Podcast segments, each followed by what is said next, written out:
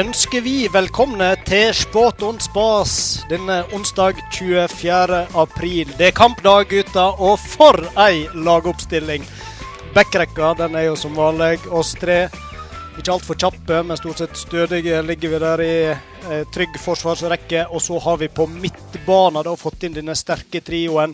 Spenstige Anders Fannemel, seige Svein Håvik og lynvingen Anita Hammersvik. Og så har vi jo på topp Ulrik Flo og Mats Wie. Ai, ai, ai, ai, ai. Ja. For et lag. For et lag. Og ikke for å glemme, i mål tidligere superduper-keeper for Loen og fotballekspert Jamel Rake.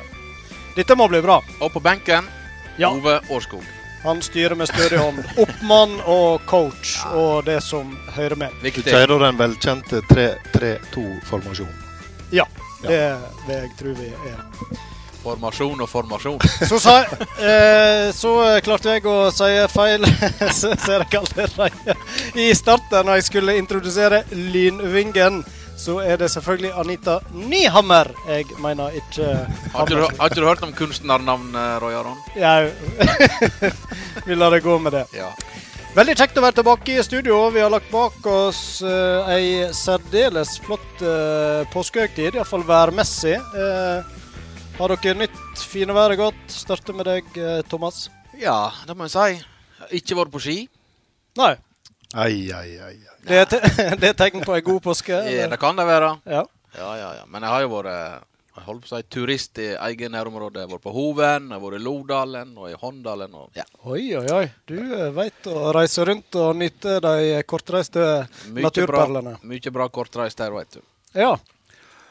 Og så har det jo vært mye sport på TV. Det har vært så mye sport at jeg har ikke sett en eneste påskekrim. ai, ai, ai. Men du har sett påskekrim? Eller iallfall døsa deg gjennom litt påskekrim? Ja, jeg er ikke helt i mål der, da, så jeg vet ikke hvem morderen er ennå. Nei, ei uke eh, etter påske så er vi fortsatt Kan fort bli sommerkrim. Ja. Eh, ellers så har jeg òg vært ja, litt oppe i fjellheimen og eh, på tur både på ski og med da selvfølgelig felleski. Ah, ja. ja. S selvfølgelig. Og, er duger ennå. eh, ja. Eh, nå har jeg gått så mye på felleski at eh, fellene nesten knorver under skiene. Så, så jeg vil si at de er godt brukte i vinter, til meg å være. Bare litt spørsmål når det gjelder felleski. Har du opplevd dette her med å, å eh, Jeg husker første gang jeg prøvde felleskia nedover, og skulle da ploge på Ikke at jeg ploger veldig mye, da, men det skjer jo at en må, må, må til med det. Har du opplevd hva som kan skje da? Hvis du er litt brå på ploginga? Det kan lugge litt, ja. Det kan lugge litt. Jeg, har, jeg husker jeg tror jeg hadde to ganger skikkelig sånn Uh, hva ja, Lå som et uh, strøken Speilegg. som et Strøken speilegg. speilegg. Så det, men uh, du har unngått det? Eh, ja, det har jeg. Eh, neste eh, holdt på å si eh, trøbbel jeg fikk, det var når jeg skulle nedover en bakke inn mot Tonningsetra, og så var det iser i sporet, og da gikk det så rasende fort at jeg var sikker på at jeg skulle ende mine dager inn i en trestamme. Men eh, da kom jeg meg ut av sporet og fikk, eh, fikk meg på rett kurs, så det, det enda bra. Det er da det er godt å ha litt eh, skiferdigheter fra gode dager i Holbakkene. Var både rent slalåm og hoppe oppi der. Jeg skal ikke skryte på meg så voldsomme skiferdigheter, for jeg kunne ligge og ta en inn inni trestammen, tror jeg. Så det var vel mer eh, 50-50. Ellers er vel vi to eh, som liker oss godt i fjellheimen, kanskje av flere grunner på denne tid. Ja, eh, du slipper jo unna alt som har med allergi å gjøre. Ehm, så det har jo vært litt, eh, som du sier, som du òg kjenner til, så har det vært eh, heftige eh, allergidager nå. Det er vårens i stygge bakside for oss allergikere. og det er klart at det, når vi fikk litt eh, regn, og så 20 grader dagen etterpå, da var det en polleneksplosjon av de sjeldne. Merker Det var jeg det. iallfall. Jeg har faktisk skrevet et eh, lite dikt om det, men det kan vi kanskje ta en annen gang, eller? Nei, kom, OK, da. nei, kom. tar det. Kjør på. Kom an. Greit. Um, Hva heter diktet? Det heter allergi. Allergi.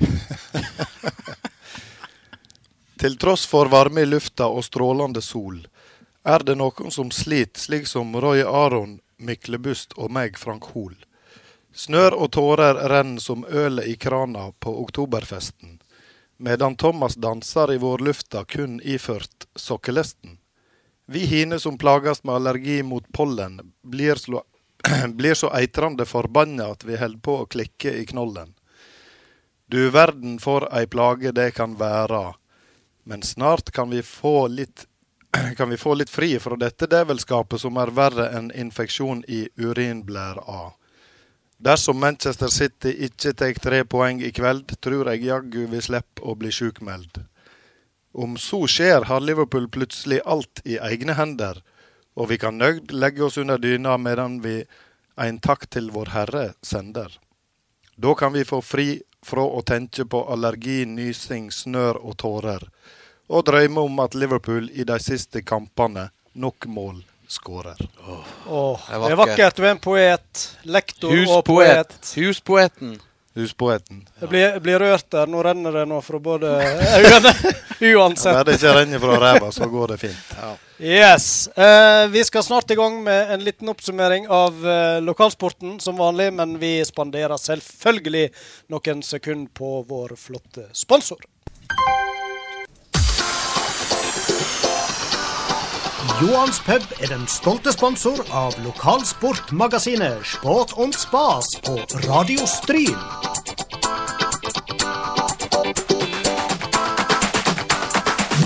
Og på Johans pub der kan du få med deg Champions League, Premier League og FA-cup på storskjerm. Annenhver fredag kan du òg teste kunnskapene når puben inviterer til quiz. Datoer og utfyllende program det finner du på Facebook-sida til Johans pub.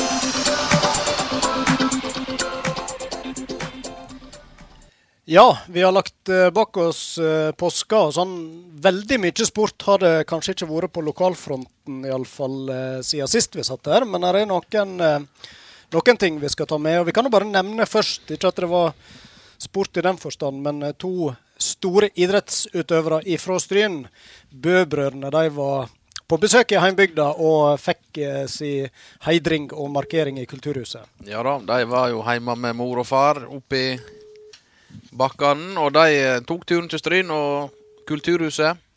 Og der eh, ble de heidra på beste vis som bare stryninger kan.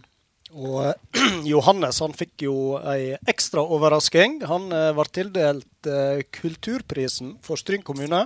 Ja. En pris eh, storebror Tarjei fikk tilbake i 2011, mener jeg på.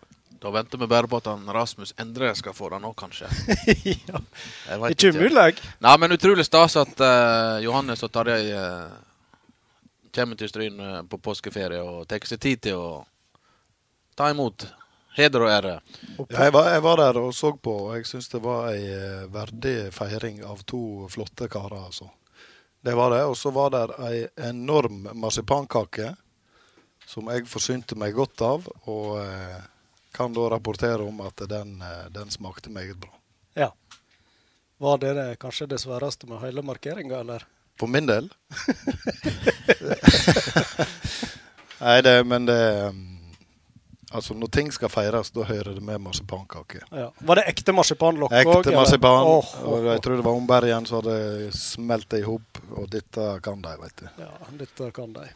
Yes, det var markering av Bøbrødrene. Så var det òg i palmehelga I palmehelga så var det turnavslutning. Vi har jo ei fantastisk stor og flott turngruppe i Stryn, og de gleder seg nå til å få litt bedre plass og en ny basishall. Men eh, de klarer å trene og turne likevel oppe i gymsalen i Bø.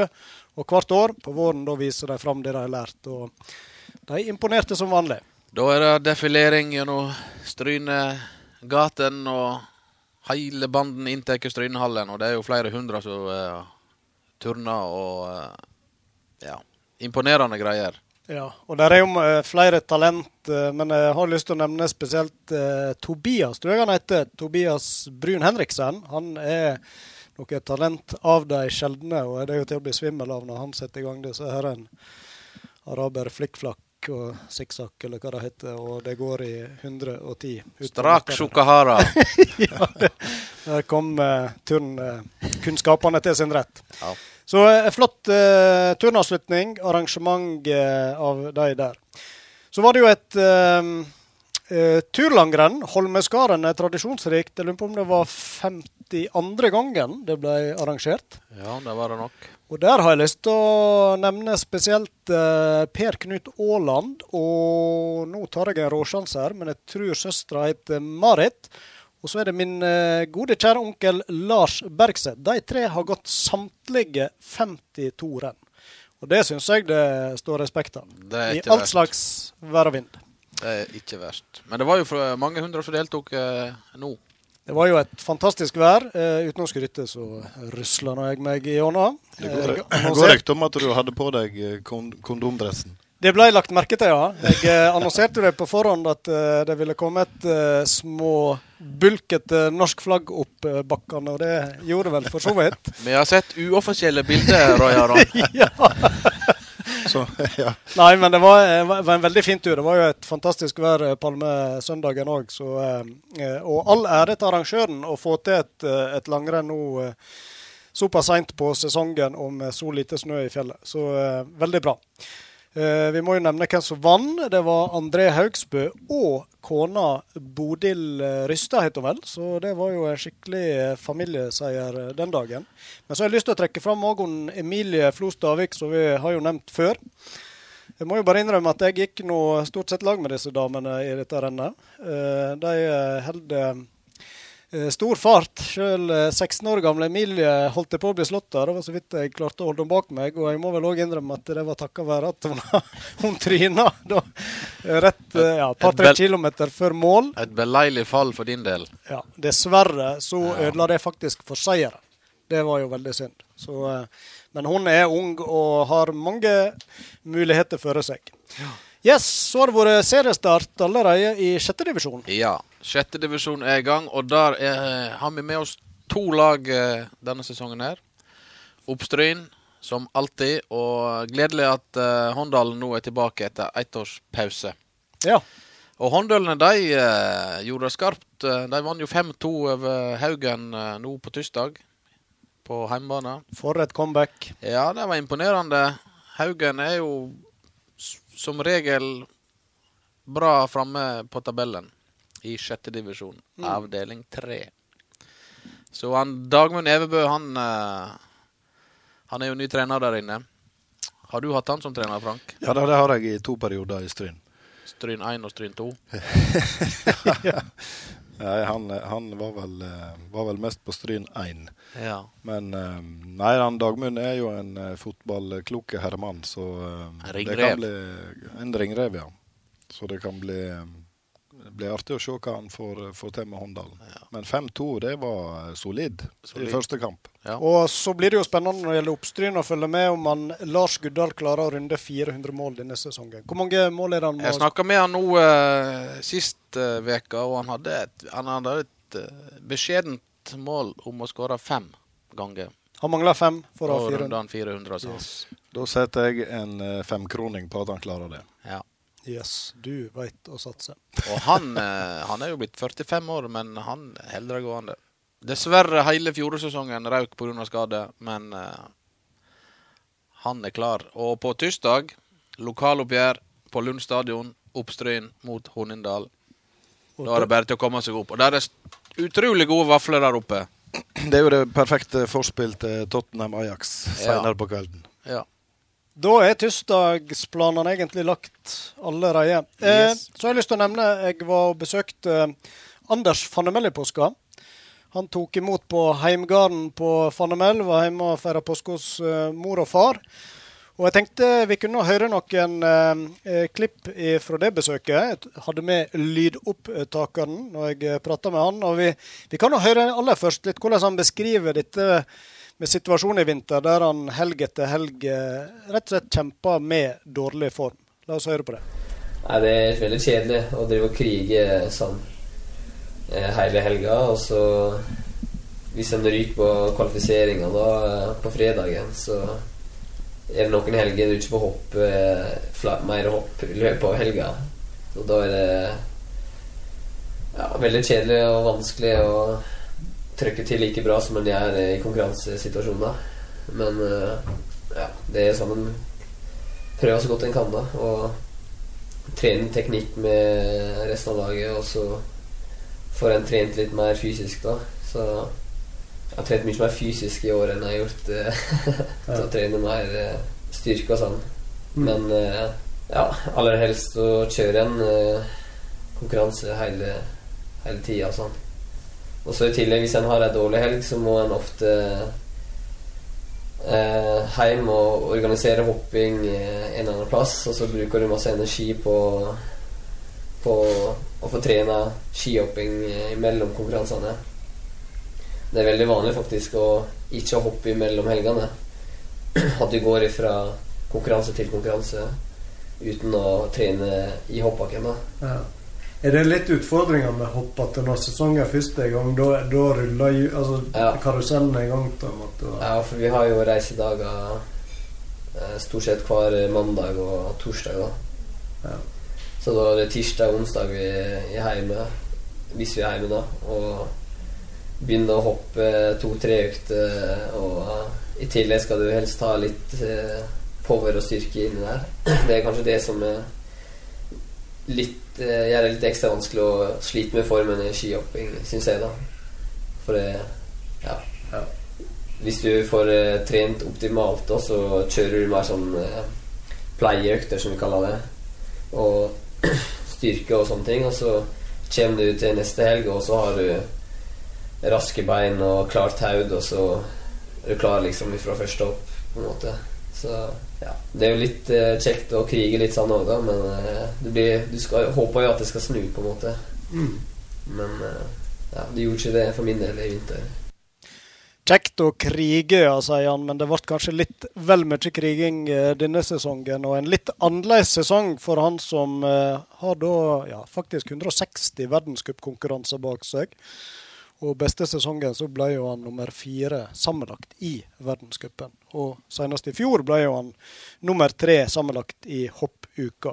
Men eh, det må jeg si, når jeg prata med han, eh, Anders, så eh, var han veldig optimistisk. Jeg var jo sånn spent på om han ja, hva tankene hadde han framover? Om han var litt på defensiven, og, og om han rett og slett tenkte på å legge opp, om det var et tema. Men det forstår jeg jo at det lå ganske langt unna. Jeg har ikke vurdert å legge opp ennå, nei. Nei. Det er Sånn at jeg nå legger opp, liksom. Nei. Det er mer sånn uh, realistisk uh, at uh, Det er klart, hvis jeg ikke får topp på ski igjen det neste året, eller noe sånt, så må jeg begynne å tenke på det andre livet jeg skal ha, da. Men ja, det Jeg er ikke klar for det ennå. Trykke til et par helst mange år til, så så ja, jeg gleder meg til å hoppe litt mer Sommer Grand Prix og sånn i sommer. For det er i hvert fall det som er planen. Å konkurrere litt mer i sommer og sånn, da. Så jeg er veldig glad i å reise og konkurrere, da, egentlig. Fordi Holde hjulet i gang, liksom. Ja. ikke- ja. Så jeg vet at du får veldig gode svar på hvordan du ligger an i prosessen ved å konkurrere. Mm. Og det er jo det stort sett det samme som er med eh, hele sommeren og vinteren. Så nå ser vi hvor nivået ligger igjen, da.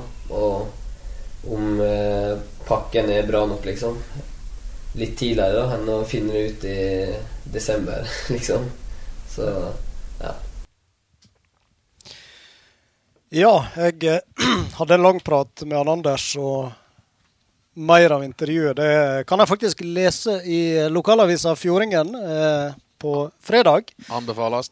Det må vi, må vi kunne anbefale, ja. Eh, Men vi kan ta med en liten ting til slutt. Jeg sporer jo han om i litt sånn eh, tunge tider, om ikke det da var fristende å lete fram eh, klippet av storhoppet han gjorde da i 2015. Han satte jo den gang verdensrekord når han hoppa 251,5 meter i eh, Vikersund. Så vi kan jo høre om det er noe han bruker for å piffe seg opp med.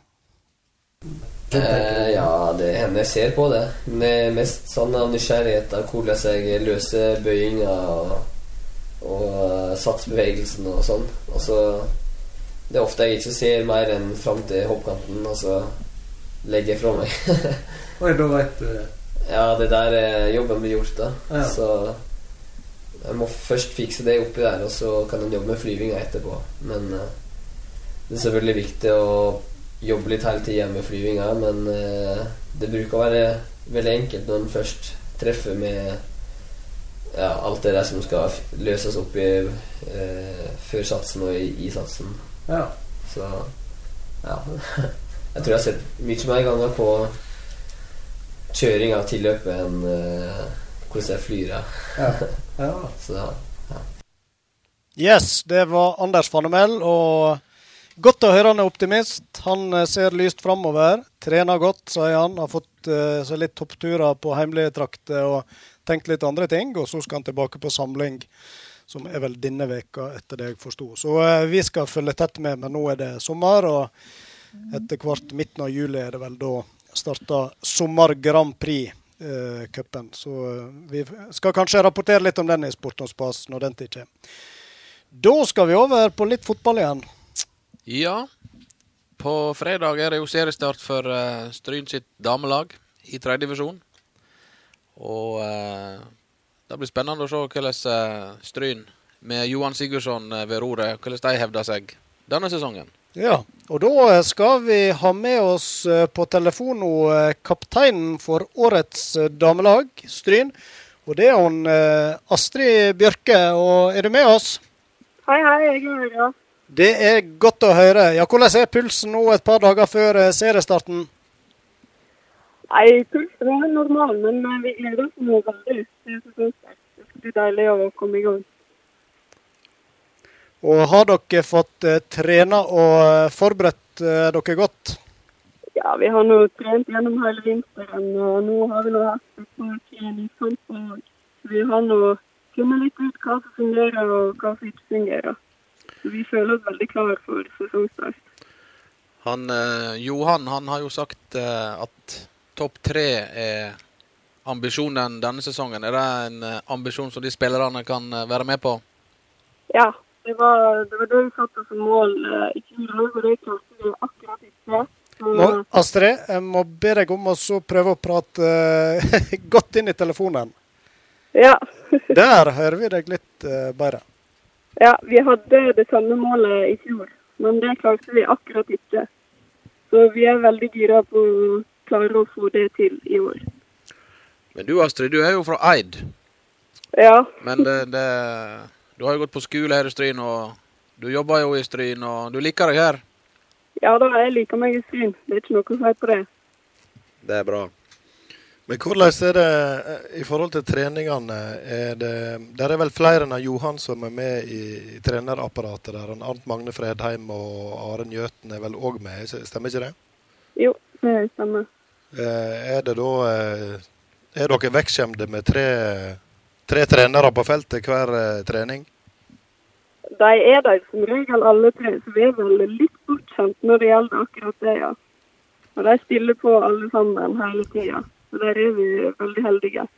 Ja, det er jo et solid, eh, en solid trio dere har, eh, har der. Det er det absolutt. Men eh, nå er det jo et, eh, et veldig ungt lag, og da har det vel vært i flere sesonger. Er det sånn at det er flere som eh, reiser fra Stryn når de er ferdig på videregående, f.eks.? Ja, de fleste reiser jo ut for å studere. Så da blir det unge spillere som blir tatt opp, men de tar jo ansvaret, så det går jo egentlig helt fint. Ja.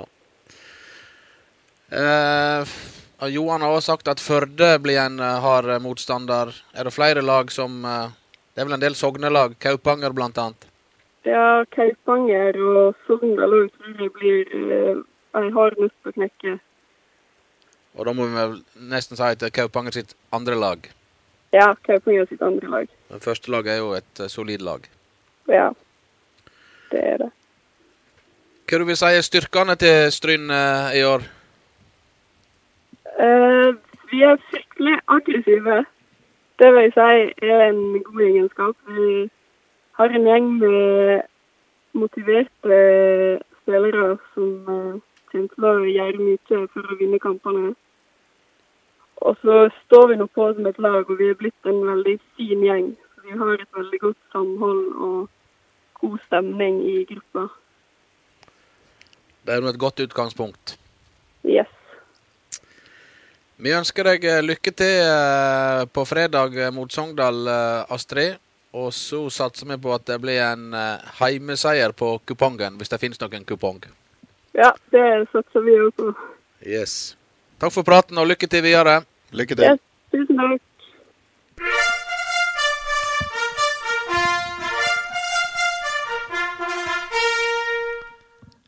Dette betyr konkurranse. Ja. Og uh, sist spurte vi altså om uh, hva slags annet land hun, uh, hun Odne Grete Njøten har spilt håndball i. Og vi har fått inn en del svar. ja, da er vi spente. Ja, der kommer du på øret mitt òg, Jaron. Du forsvant litt der. vi er ikke ferdig med påska i studio her ennå. Her har vi både Kvikk Lunsj og påskeegg og en del lapper. Skal jeg få lov å trekke? Det var en, Vil du det var en Frank sist. Oi. Ja. Ja. Er det greit? Ja, ja, nei det Lettere fornærma, ja, sa ja. Oi, oi, oi. Det blir en lang kveld. Ta, Oi, Takk oi. for meg. Det var en lang leppe du hadde laget. Ja, til det. ja. Oi, oi, oi. Jeg får se. Se, du. Ja, men dette her er ei som har sendt eh, oss eh, svar flere ganger. Ja. Dette her er hun Gerd Irene Vik. ja. Du vinner vår Nå har jeg fått beskjed om ikke å si eksklusive T-skjorter. Den er ikke eksklusiv eksklusiv ja, lenger. den er unik. Den er unik. Det er ikke så veldig mange som har den ennå, men eh, vi har vel kanskje bikka 15-20. Eksklusivt unik. For alt vi vet, så kan det Oi, det var en liten applaus òg. Eller var det noen som tappa ned i do? Jeg er litt usikker. Det var...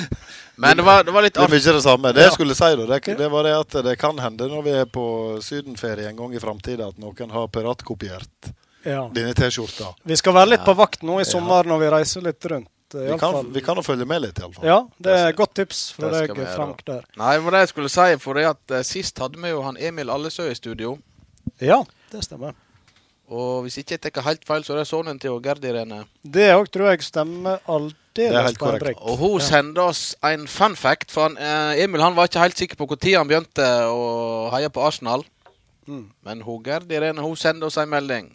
Og han Emil han var seks år gammel. Det var tidlig. Var det hun som hadde litt regien for det? Det kan godt hende. Eller han fortalte det- det kanskje i sist sending. Jeg har Nei, glemt det. jeg, jeg tror ikke han husker helt hvorfor det ble Arsenal, gjorde han det? Nei. Hvis han bare var seks år, så er det ikke så rart, Men, eh, kanskje. Men da har vi fått oppklart det, i hvert fall. Gratulerer, Gerd. Gratulerer til Gerd, ja. Og så er det jo sånn, da, den nye vrien vår. Så uh, venter vi til slutten av sendinga og stiller da et uh, særdeles lurt spørsmål ut fra det vi har snakka om med våre flotte gjester i løpet av sendinga. Så her er det bare å følge godt med. Og så kommer vi tilbake til dagens konkurranse mot slutten av sendinga. Nå må vi Vi har holdt det gående i en halvtime, karer. Det er på tide med litt musikk. Så da eh, slipper vi til litt eh, toner. Og så er vi straks tilbake med dagens hovedgjest. Jeg veit ikke fram eller bak på en ball, men sport og spas, da har jeg sansen for. Sport og spas, prat og fjas, moro. Dette her er grådig stas. Sann. Kveldens hovedgjest han skulle jo etter planen sitte her i lag med oss, forsyne seg av påskegodtet. Vi har Kvikk Lunsj og diverse rester fra påska. Det er Nøtter, er druer, her er Farris og det som bedre er. Og det er Men på, pose snus. med pose snus òg. Men uh, han er her ikke. Hva var det som egentlig skjedde, Mats Wie? Nei, det var vel egentlig det at jeg tenkte først at det var forrige onsdag. Og uh, så hadde jeg helt glemt at jeg hadde satt opp ei rekke med foreldresamtaler i dag. Så da rakk ikke jeg inn i tide. Det er lite rutinert, Mats. For, foreldresamtaler. Nå må du forklare litt uh, hva du jobber med. Jeg er pedagogisk leder i barnehage. Ja. Ja. Da er det tida for å ta alvorspraten. ja, nei, vi har så snille unger, så det går helt fint. Ja, men Det er godt å høre. Jeg ser jo for meg en foreldresamtale med han Mats Wie, at det blir eh, god stemning rundt bordet. ja, selvfølgelig. Det, det pensler fort over på litt fotballpreik kanskje òg. Nei, jeg prøver å holde meg unna det. Ja. Men du, vi er bare sånn til det sagt veldig glad for å ha deg med, enten du sitter her eller du er med oss på telefon. Vi skal snakke både om seriestarten som står eh, rett eh, framfor oss. Vi skal snakke om cupkampen mot Sogndal. målteften din, strynepatriotismen. Men først så må vi høre litt mer om hvem Mats Wie er. Nå har vi vært inne på jobben din, barnehage- eller førskolelærer. Men eh, si litt mer om Mats Wie. Ja, hva dere vil vite, da? Det kommer an på det. Nei, Det er noe eh, sivilstatus, veit du, og alder og alt dette her, da. Ja, nei, jeg er nå eh, 26, jeg blir 27. Og sivilstatusen eh, min er jo da altså det at jeg har kjæreste. Oi, oi, oi, oi. Og det, det er ferskt. Nei, det er ikke nå- mye ferskt. Det er nå det er nå siden er flere måneder gammelt. Det er jo siden tidlig høst. Så det Å ja. Hun har allerede vært på to offisielle strynkamper. Vi har vunnet begge, så jeg tror hun bare må fortsette å se. Ta henne med på onsdag. Ja, prøv på det. Men du bor på Sandane, heimbygda. Ja, Ja. det gjør jeg. Så har du eh, altså, eh, skal vi si, forelska deg litt i Stryn, da, og spilt eh, Er det andre perioden du er inne i nå? Ja, jeg hadde tre sesonger først, og så var jeg ett år hjemme før jeg eh, lengta tilbake igjen. Så eh, jeg har absolutt forelska meg i den plassen. Det har Men, jeg. men du Mats, den eh, første perioden din i Stryn, hva gjorde at du valgte Stryn da? Det var vel eh, egentlig eh, Johan Sigurdsson som trener, og jeg hørte at eh, Stryn var en veldig fin plass å være. Og spillerne rundt og på en måte interesser rundt Stryn var ganske bra. Så eh, det frista veldig, da. Men kjente du mange av de spillerne før, før du kom? Nei, jeg kjente ikke så mange. altså Jeg visste jo eh, hvem mange der var. Jeg har spilt mot dem, men jeg kjente vel egentlig mest han eh, Hopland og Mm. treneren Johan kanskje litt. og Hvordan, Jeg på noen der før, men hvordan var det da for en eh, omgjengelig sandenser å bli tatt imot i spillergruppa til Stryn? Nei, det var veldig bra, det. Eh, Første møtet mitt med mange av dem var jo å signere kontrakt og så gå ned og hilse på dem i dusjen der de sto. Så det var, var en fin velkomst. Da var det bare å hive av seg klærne og fram med sjampoen. ja. Nei da, det, var- det har gått helt fint. Eh, Vanvittig fin gjeng, og jeg har kosa meg og låra i så Men du valgte jo å returnere til Sandane før fjorårssesongen. Kan du fortelle litt om eh, grunnen til det valget?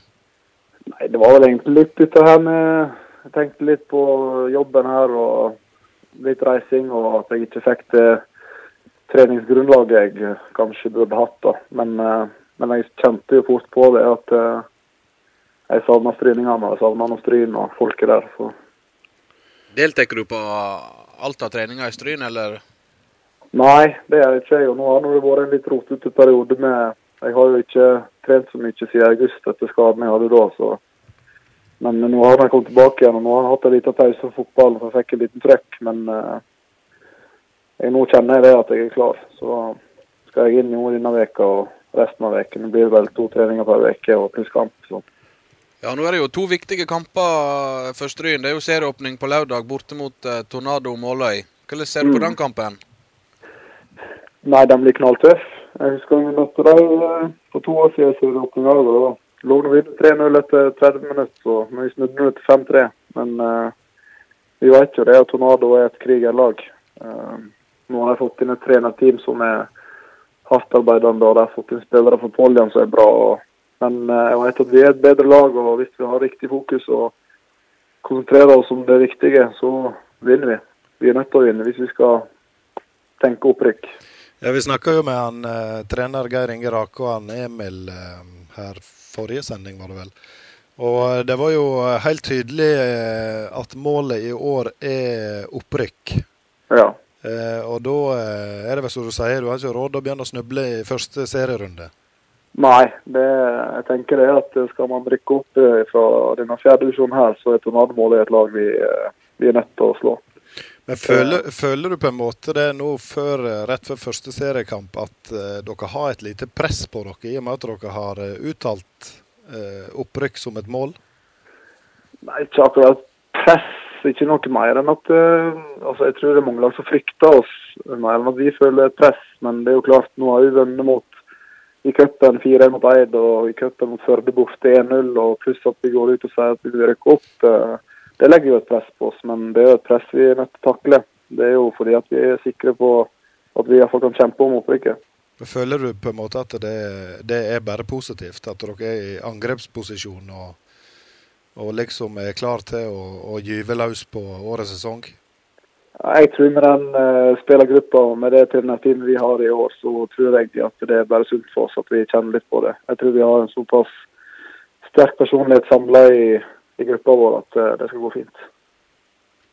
Ja, det blir spennende. Du Mats, du viste jo eh, deg som en særdeles Vi må jo kunne nesten kalle deg en målgarantist første perioden du var i Stryn. Og det visste vi fra tidligere klubber du har vært i òg. Men hvordan er det nå? Du markerte deg allerede i første kamp uh, mot Eid. og Tenker du at dette går an å holde fram med? Mate på, som Frank Ohl bruker å si?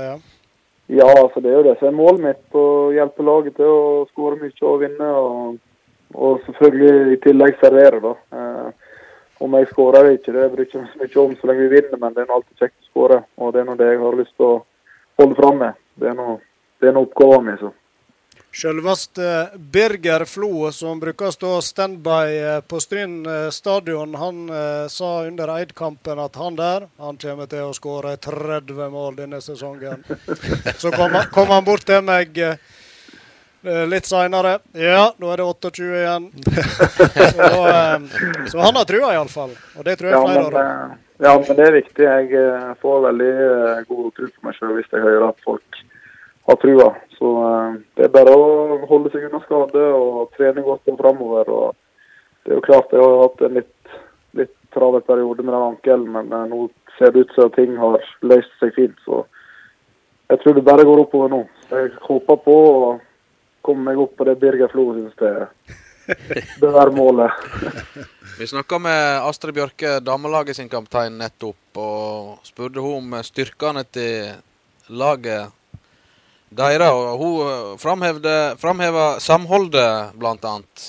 Ja. Hva du vil si om herrelaget? Hva er styrkene deres? Ja, altså samholdet vårt er helt supert. Uh, alle kommer godt overens. og Det er lov å kvesse til litt under trening, og, og, man tar det på en måte som en positiv tilbakemelding. og, og eh, sånn Ellers utenfor kamp og sånt er vi, er vi gode venner. og vi vi liker å være i lag, og det bygger veldig sikkerhet rundt laget når vi spiller kamp òg. Ellers så har vi på en måte sterke spillere i alle ledd, syns jeg. Eh, vi har en eh, sjef i hver banedel, så Og ja, jeg syns laget vårt framstår på en veldig fin måte. Så er vi veldig vist at vi er veldig solide defensive i år. Eh, Iallfall i løpet av disse kampene vi har hatt nå, at Forsvaret har spilt seg bra inn. Så får vi se om vi klarer å lette oppover.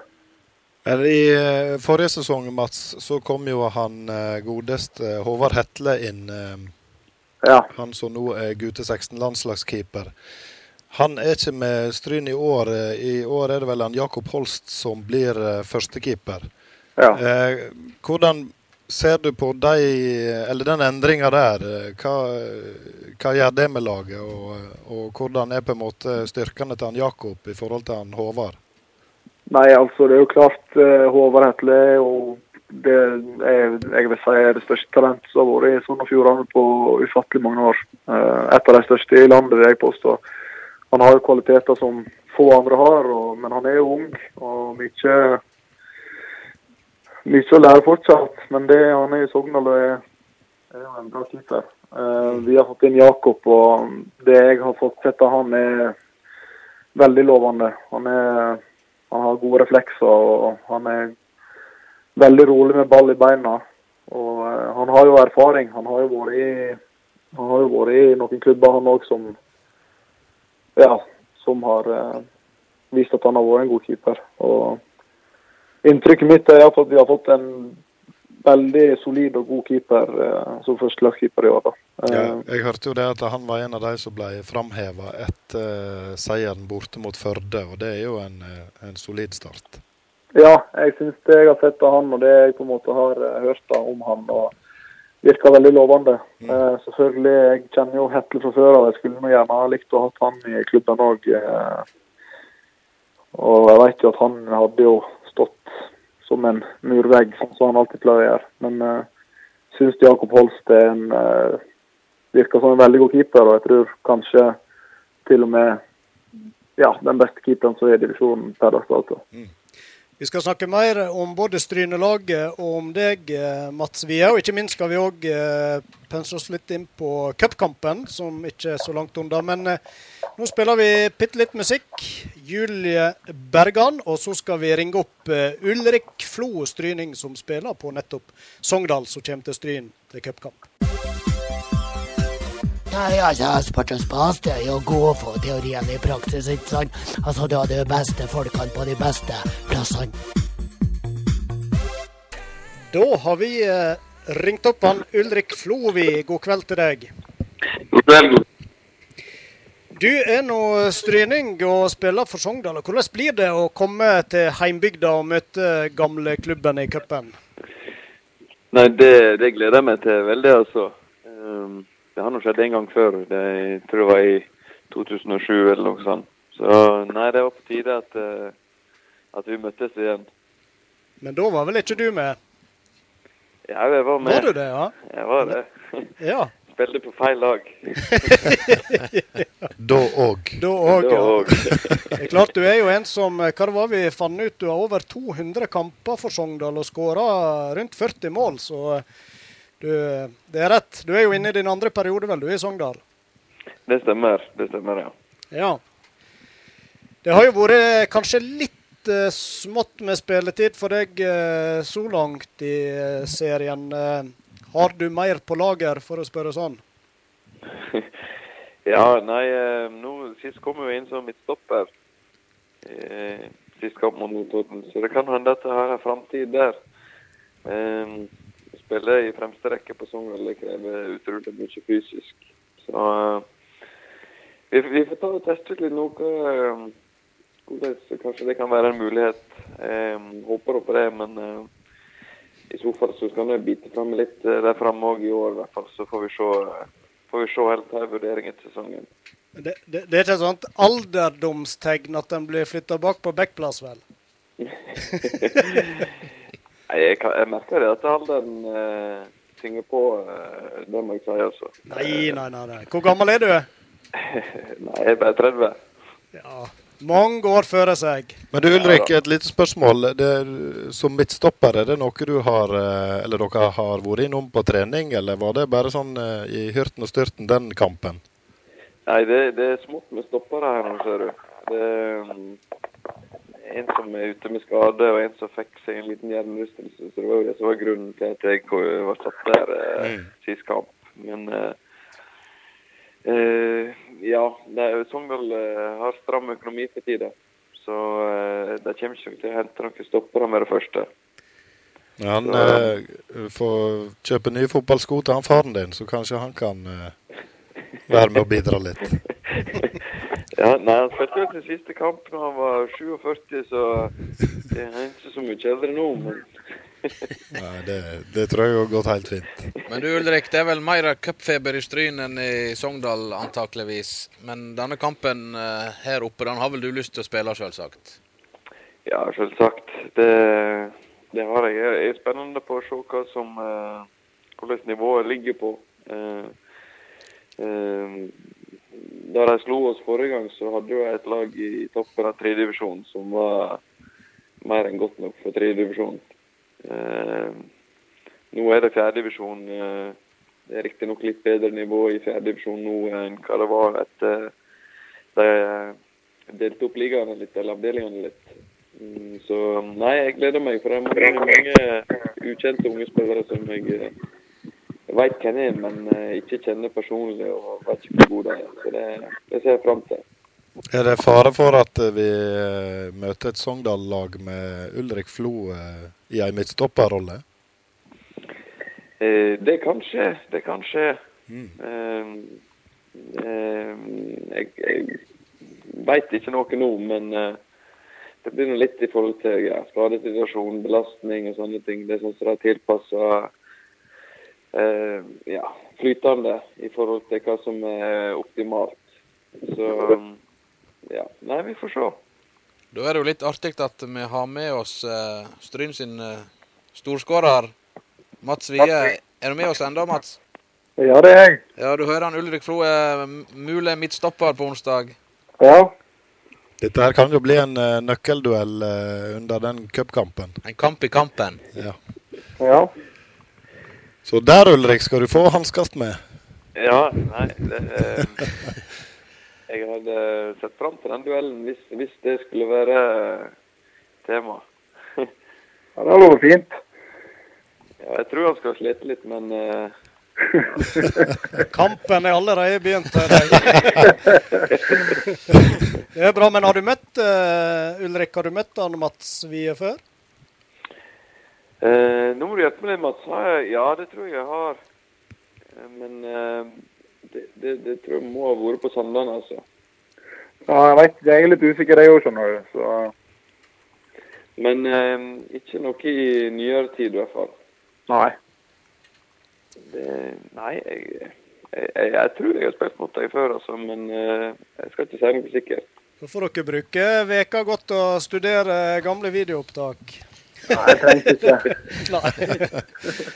Men Nei, det, det, har masse, masse respekt for, eh, for Mats og de ferdighetene hans. Eh, Jeg tror at han eh, Han eh, ja, Hadde han kunne vært heldig, så kunne han hevde seg eh, eh, i eh, øverste ligaen i Norge, han òg. Det, det nivået har han hatt inne. Kanskje har enda, vi får se.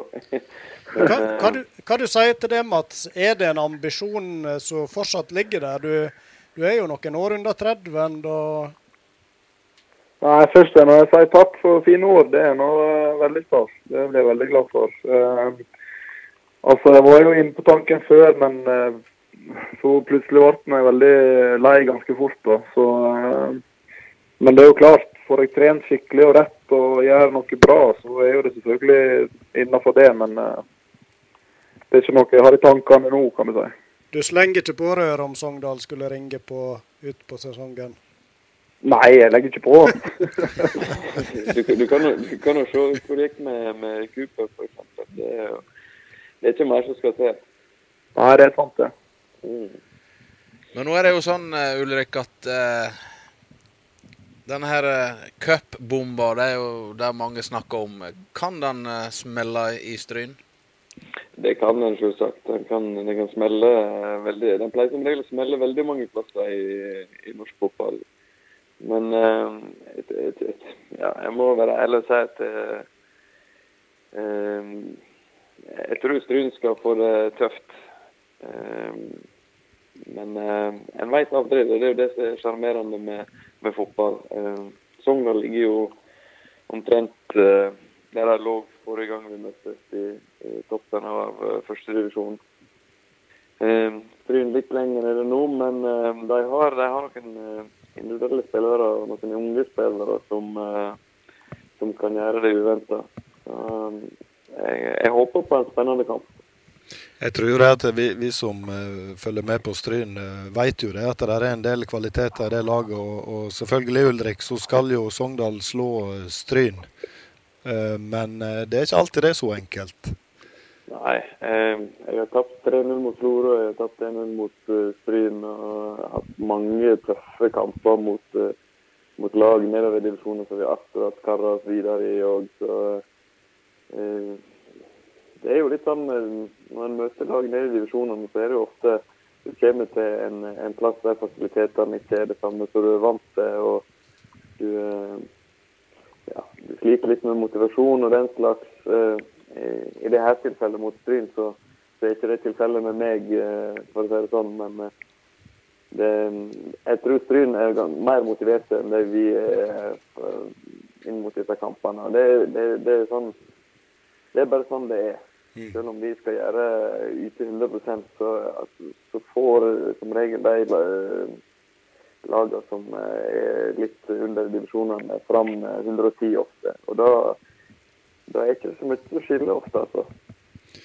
Nei, det er vel litt, det er vel litt sånn at uh, for uh, Sogndal sin del så er det bare om å gjøre å kare seg videre. Men for Stryn sin del så er det jo en, uh, en kjempemotivasjon å møte fylkets beste lag, da.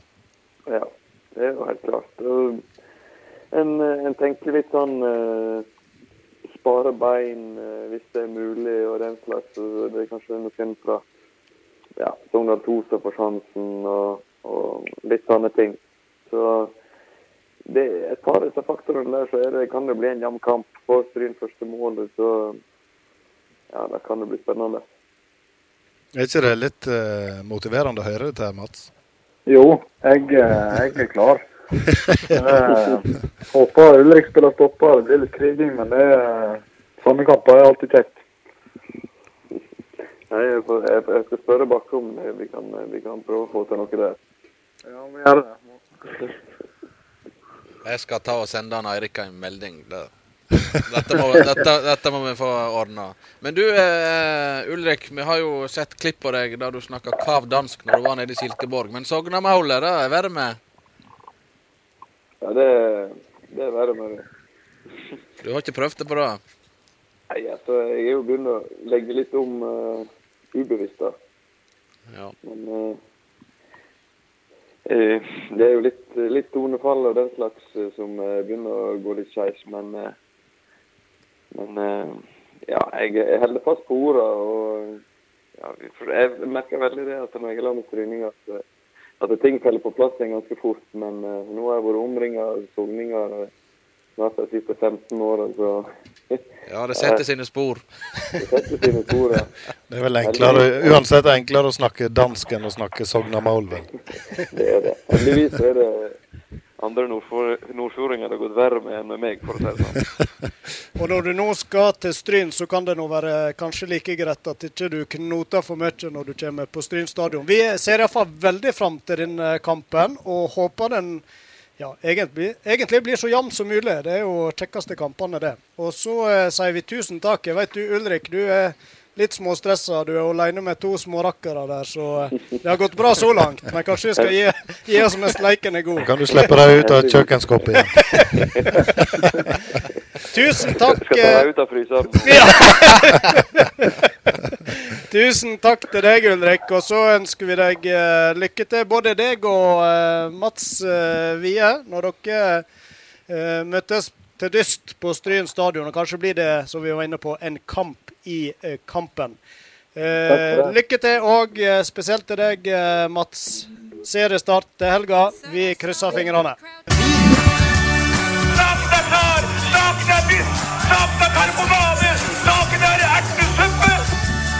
Vi vasser i arkivet. Der kom kjenningsmelodien, veit du. Var litt i forkant på den. Da skal vi ønske velkommen til gjest i studio. Dagens første som sitter i studio. Det er jeg jo veldig glad for. Og det er jo sånn da at mens vi sprang rundt i borrelåsskoene våre med plaster på eh, knærne, da var det ei eh, sprek eh, ungdom fra Markane som hevda seg på friidrettsbanen. Velkommen til deg, Anita Nyhammer. Takk skal du ha. Ja. Eh, du var jo så høyt på resultatlistene både lokalt i kommunen, men òg eh, i fylket, og blada litt i gamle fjordinger. Og der eh, går navnet ditt igjen titt og ofte hvis vi spoler tilbake. Vi skal da til slutten av 70-tallet og starten av 80. Det stemmer nok sikkert, det, ja. Ja, det stemmer nok sikkert. Hu- Husker du eh, Husker du så langt tilbake? ja, ja, ja, ja. Det er ikke så mange år siden. Nei, nei, nei, nei. Det er en mannsalder omtrent. Ja, Ja. ja, det er vel det. Eller kvinnealder. Ja. Ja. Nei, jeg husker det godt. Jeg var eh, tre, kan nesten fire år da. ja. Så eh, dette er ei tid jeg minnes med glede. Men fortell litt. eh, hva var, det var friidrett, altså, men hva var favorittøvingene dine? Eh, Det var jo friidrett, eller jeg drev nå òg både med langrenn og terrengløp, orientering, og var med på det meste, da. Men uh, friidretten var vel den som var det beste. Og uh, da var det nå høgde som jeg satsa mest på, men òg litt lengde og korte distanser, da. Ja, Ja. Så det er sprintgenet du hadde. Eksplosiviteten og spensten. Ja, du vet, når jeg kommer ut av markene, så må en springe under litt, litt under bakka og litt sånn. Ja, og når du er inne på det, så var det jo ikke de, eh, nødvendigvis de beste treningsforholdene dere hadde. Det, jeg har fått fortalt at eh, det var det var vel mye skytebaner på Sindre dere brukte, og der eh, måtte en eh, late opp litt led eh, for å få lang nok løpebane. Og det var vel litt pukkstein å springe over. Det var ikke akkurat tartandekket der. Eh, nei, og så litt saudelort var det vel òg vi sprang. Så vi hoppet, det var vel der kanskje høydekarrieren starta. Vi måtte hoppe over uh, litt sånn uh, kurue og saudelort, Ja. sannsynligvis. Sånn 100 meter hekken er jo fort blitt en øvelse da, kanskje. Eh, ja, hvis du ikke hadde lett opp leda, så kan Ja. det jeg hadde vært der. 100 meter lort. Ja, 100 meter, det er en ny, ny øvelse. Ja. Ja. Nei da, så Og der var det ikke akkurat veldig preppa heller, i forhold til Så det var nå litt håle og steiner og sånn. Og lengdegropa, det var nå en sau- sånn sagemårdunge som vi sprang i, da. Ja. Men uh, vi hadde det kjekt, og uh, vi trivst. Vi var nå en god gjeng som holdt på i lag, da. Ja, så det var et fri, friidrettsmiljø i markene på den tida? Det var det, ja. Så vi var jo flere som var med eh, rundt om når det var mesterskap, da. Det var det. Mm. Ja. Hadde dere trener og litt sånn systematikk på ditt, eller hvor du husker det? Nei, det var nå egentlig han far som uh, var med for det meste, da. Eh, Svein Sindre var jo òg med, gjerne. Og Gunhild var nå med der og bodde nå veldig nær under, da. Ja. Så eh, det var da far da som var med meg. Jeg husker nå òg når jeg uh, trente hjemme oppå veien der, så uh, halja nå veien litt nedover, utover eh, der da, men det fikk jeg aldri lov å springe den veien. Jeg måtte springe motbakka. oh, ja, ja. ja. Underbakka var forbudt. Det var litt forbudt, for det, da uh, ble ikke det rett. Nei. Så motbakka, det var tingen. Og så uh, startblokker, det eksisterte vel ikke så mye. Så det var å grave huller ned i veien, og da gikk jo hovedveien på den sida. Ja. Så vi måtte nå passe på når det kom biler, da, og springe ut av veien. Når jeg tenker friidrett på 70-tallet, tenker jeg på sånn rød grus rundt eh, ei gressbane. Ja, rødstubb, ja. Ja, sånn som de hadde inne i Stryn, blant annet. Ja da. Så når vi var så heldige å komme inn til Stryn, da var det jo kjempevelstand. Ja. Ja da. Så jeg husker nå òg når jeg fikk min første eh, piggsko, da. Og spesielt òg med sånn eh, hoppsko. Den jeg kjøpte jeg da for konfirmasjonspengene mine. Oi. Og det er klart, når du sprang på den raustubben, da, så måtte du jo gjerne noe rein etterpå. Så da satt jeg altså med en gammel tannbørste og koste av rødstubb. Høres jo veldig dedikert ut, da. Å ja, ja, det var stor stas, vet du. Og det, den skoen den kosta en del penger i de tider, så den måtte en bare ta vare på. Ja da. Hvor de reiste på stemmene og slike ting? Var de langt av gårde? Eh, vi for en del eh, rundt, spesielt her i fylket, og, og ned mot Bergen og den biten, da. Når det var litt eh, større arrangement, da. Ja. Møre var vi en god del på. Og så nevnte du sjøl at det var kanskje særlig høgde du hevda deg i, og der fant jeg et eh, klipp fra 1981. Da setter du krinsrekord i høgde for kvinner. Husker du det? Det husker jeg veldig godt. Ja, et stolt, en stolt Anita Nyhammer eh, framfor uh, lista der.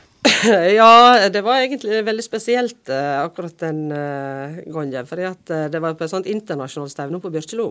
Ja. Og eh, jeg Med store stjerner. Ja, det var det faktisk. Det, og det var vel i de tider det starta med det som fortsatt er der nede, da, med stevne. Og eh, der hadde da han Eivind Indrebø, for da bodde jeg på Breim, og eh, representerte Breim idrettslag. da, Breimsbygda Ja. idrettslag. ja. Han hadde da meldt meg på på dette stevnet. Og jeg hadde jo da ikke trena noen ting hele vinteren, så jeg var ikke akkurat så veldig happy for det, da. Og, øh, men måtte nå stille opp. Og øh, det gjorde jeg nå. og Jeg hoppa, og jeg husker da den lista kom oppå 1,70, så da var der, Så reiv jeg første forsøk. Og så sto der da en kar på Og dette ble opplyst på høyttaleranlegg og alt at det var kretsrekord, da, så Bare var- for å gi litt ekstra Ja, selvfølgelig. Og um, da sto der en kar som heter Magnus Wilhelmsen. òg var en ganske kjent eh, innen friidretten, da. På, uh, Utafor der i svinget der som vi hoppa da. Så sa han at ta nå og få opp ræva di, tjukke megge, sa han. Var det magisk ord for deg? Det spørs om det var det, for jeg gikk iallfall over i andre forsøk. Ble du litt, eh, ble du litt forbanna, rett og slett? Det kan hende. at Det kunne jo Ja. slått inn igjen fort, da. Ja, det, det kunne det, altså. Men uh, han visste vel egentlig hva han skulle eh, trykke på. Så uh, da ble det kretsgård der, ja. Og så uh, fornya jeg den vel året etterpå er til det. en- 71, faktisk. Ja vel. Og nå eh, ser jeg eh, Ta en liten klype salt, men jeg tror det var den oppdaterte adelskalenderen for fylket, altså der eh, alle rekordene står. og uh, Du har ikke kretsrekorden ennå, men uh, du er på fjerdeplass, og det er ikke verst. Nei, Fortsatt en dag i dag. Det var jeg faktisk ikke klar over. da, Men uh, Så eh, eh, det syns jeg er imponerende. Ellers var du jo òg høyt oppe på både 100 og 200 meter og flere andre øvelser. Og lengde, kanskje, ikke minst. Lengde, ja. Mm. ja. Nå kom jeg på eh, det legendariske spørsmålet til Kurt Olsson, der han satt på Ikea-taket i Sverige med Patrick Sjøberg og spurte hvor bredt har ni hoppet? ja. Spør spørsmålet er veldig vanskelig å svare på, kanskje. ja. Så jeg tar både høgde og lengde samtidig, så kan det bli noen meter. Du var inne på at eh, det var et eh, ganske bra miljø, ikke stort eh, i Markene, hvis vi går tilbake når du representerte Markene der du er fra. Og der tok dere òg et litt sånn overraskende Sikkert ikke blitt gjort verken før eller senere, et KM-gull i lag. Altså Ja. friidrett for lag. Eh, eh, for senior.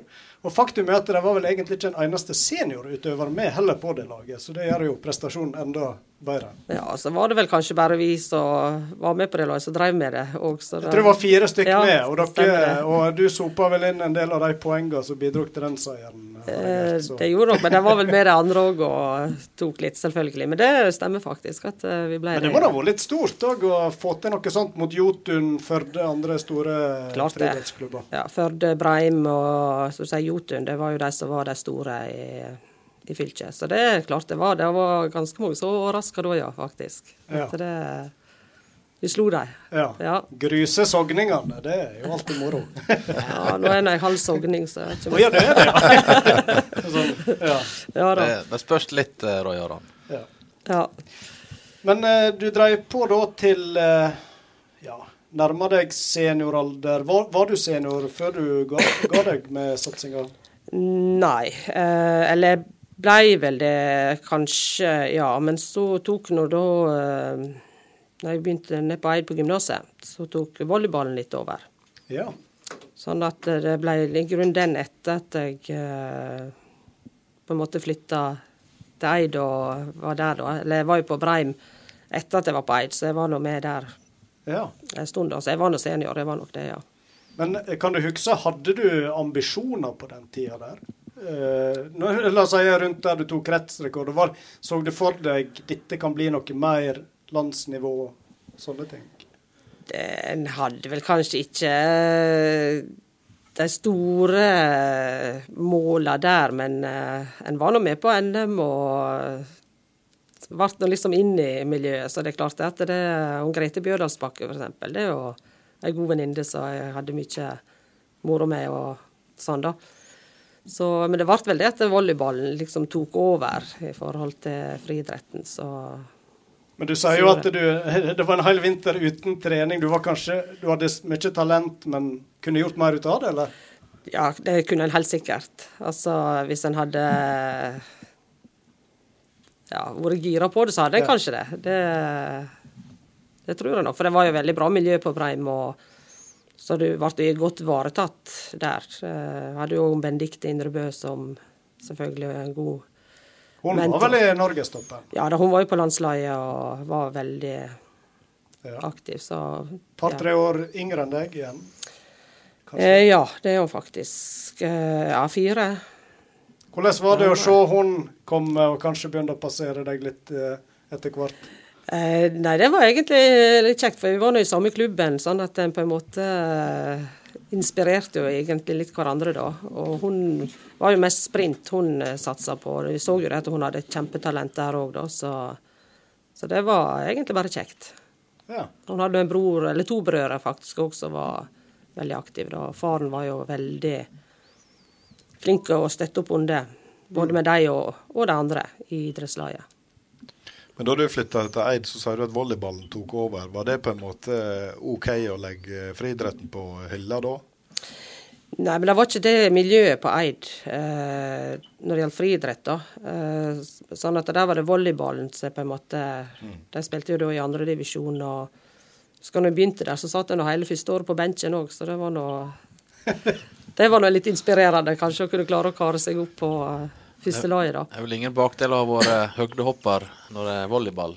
Eh, nei, absolutt ikke. Det var ikke det. Så eh, Ja, Fikk du en liten karriere innen volleyball òg? Ja, jeg spilte en del år, og Håndalen hadde jo eh, Etter at jeg eh, flyttet til Stryn igjen, så spilte jeg jo på Håndalen, og eh, de òg spilte nå i andredivisjon, faktisk, i, i volleyball. da. Så det var veldig bra miljø på det, altså. Absolutt. Mm. Hva driver Anita Nyhammer med i dag, da? Betyr idrett noe for deg fortsatt? Absolutt. Jeg følger jo med på eh, spesielt de lokale, og syns det er veldig kjekt. Og, og så har jeg jo nå da barnebarn etter hvert som har begynt på friidrett, så det er jo Oi, litt oi, oi. eh, Ivrig bestemor. Det blir hun. Det skal Ja. jeg love deg. Men friidretten i Stryn har jo fått et oppsving nå med flotte, flotte fasiliteter ute på stadion med løpebaner, og det betyr vel litt, da? At de har fått det? Absolutt. Og jeg håper inderlig at de klarer å få bygge opp eh, et miljø i Stryn. For Stryn var jo òg stort på, eh, på friidrett før. Ja. Her er jo ganske mange stryninger som var med da på den tida. Jeg, og da reiste vi jo ofte i lag, i og med at eh, når vi kom ut av markene, der var det jo ikke så mange. Sånn at vi reiste ofte i lag med stryningene på stevnet, da. Og der kan vi vel nevne Dette er vel tid at uh, Mathias Lilleheim, kanskje? Han var Han medaljør fra NM i spyd. Absolutt. Uh, Jonny Bolseth uh, var mye med. Så- Ja, la oss ta litt sånn name-dropping. Hvem andre Ja, var det som hevda seg? Jostein Flo var Ja. med, absolutt. i den. Var ikke det over 2,07 i høyde, eller? Ja, jeg tror ikke han trener så mye, han heller. Han Nei. stilte vel bare opp litt for moro Slang skyld. slang seg over et par meter. over, ja. ja, ja, ja. Ja.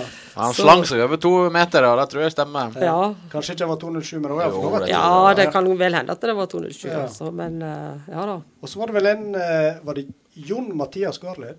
Ja, Eller- han var jo, han var jo på landslaget og Han var det, ja? Ja da, det var han faktisk. Er Ja. han rundt din alder, eller den tida du Å nei. Oh, nei. nei.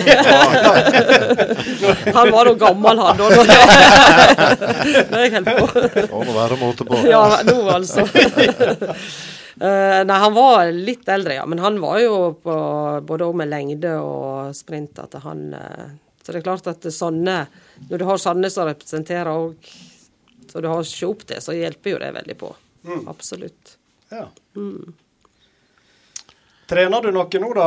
Er med på sjøl, du heier på barnebarn, sier du, men eh, eh, er det litt Liker du å Kommer deg på fjellet, f.eks.? Vi har jo ei påske med fantastisk vær bak oss. Jeg jobber så mye. Kan jeg skylde på det? At jeg ikke har tid? Jo, jobber jo i, eh, i skitrekkestrøm. Ja, men jeg, jeg får liksom ikke tid til å bruke ski engang. Du er veldig nær nå. Ja, ja, ja. ja. Jeg er nå, jeg er nå Tett på. på. Tett på. Ja. Absolutt. Det er jeg, ja. Så er så mye trening en skulle nå helst ha drevet mer. Det er absolutt. Så det er vel bare unnskyldning at en har gjort det en del før om åra, tror jeg. Men eh, du har noen gode minner å eh, se tilbake på. eh, Absolutt. Regner med du kan dra fram dem av og til, og kanskje til barnebarn etter hvert, og fortelle hva hun bestemor presterte på 70-80-tallet. Jeg vet ikke om det hjelper, men vi kan jo prøve. Utrolig kjekt du vil eh, ta turen, Anita. Og Ja. så eh, håper vi å kanskje se mer til en eh, ung og lovende Nyhammer i neste generasjon der. Vi får satse se. på det. Ja. Eh. Tusen takk, Takk for Sport og spas er helt konge. Neste telefongjest, da har vi faktisk ringt østover for å finne tak i han. God kveld, eh, Jamel Rake. God kveld i stova. God kveld, god kveld. Vi er midt i en viktig fotballkamp, etter jeg har skjønt, så vi var litt opptatt av tidspunktet vi skulle ringe deg opp. Vet, når det er i ferd med å gå an Frank Hoel sin vei, så er han jo mer uh, medgjørlig enn uh, noen gang. Så jeg regner med at det var ingen problem å, å, å vente med det akkurat uh, i denne stund. Det gikk helt fint. Gikk helt fint, Jamal. Ja, ja. Mange kjenner jo deg fra VGTV. Der har du bl.a. dette program Fotball i lag med tidligere fotballspiller og denne munnrappe Bent Hulsker. Men kan du sånn kort forklare hva programmet ditt er? Ja, altså er det jo uh, veldig veldig mange som kjenner meg fra Joker Loen, hvor jeg uh, jobber som Ja, dere må gjerne le, men eh, jeg jobber jo som, eh, som eh, brødansvarlig der. Hadde ansvaret for å steike brød, men det ble veldig mye på en måte både sier kassa, og det røyk ut den her brødmaskinen hos Per Willy, så, så det var én ting. Ja, per, per Willy var glad han ble, ble kvitt deg, vil du tro? Kanskje? Ja, Det er mitt inntrykk, iallfall. Han har ikke solgt et brød siden du var der, sier han. Hæ? Han har ikke solgt et brød på Joker etter at du uh, forsvant ut døra. Nei da, nei da, nei da. Nei, da, nei, da. nei altså programmet, hva det går ut på, det er et godt spørsmål. Jeg, uh, jeg er ikke helt sikker. Vi, Du, eh, du leter fortsatt etter svar i den 176. episoden, eller? Ja, jeg er jo, jeg er jo det. Uh, Det handler ikke om så mye. Vi sitter der og, og, og, og, og, prate om fotball og vas, og så ser vi på litt uh, klipp, og så drar vi, uh, vi hjem igjen. Det er vel korttrekk, eh, det. Og så er vi av og til ute og, og, og, finner på litt ting nedover på, på kontinentet, da. Ja. Hvordan begynte dette her egentlig? Du, du starta jo i nettavisa Strynenytt, og plutselig var du i VG. Ja, eh, imellom der så hadde jeg også et eh, semester på, eh, på BI som eh, vel ikke Nei, gikk ikke sånn kjempebra. Jeg tror jeg var den eneste som hadde urge og potetskuer på den der matteeksamenen. eh, vi, vi hadde der. Jeg har aldri sjekka hvordan det gikk på eksamen, men jeg tror ikke det gikk så veldig bra. Hvis du satt og knetra med denne potetskrueposen, så gikk det antageligvis dårlig med de andre òg. Du, du, du, eh, du tør ikke å ta den helt opp, ikke sant? så du måtte liksom stappe liksom, Ta fingrene i hop, hvis du skjønner, da, for å få tak i to sånne skruer. Så du knakk, selvfølgelig.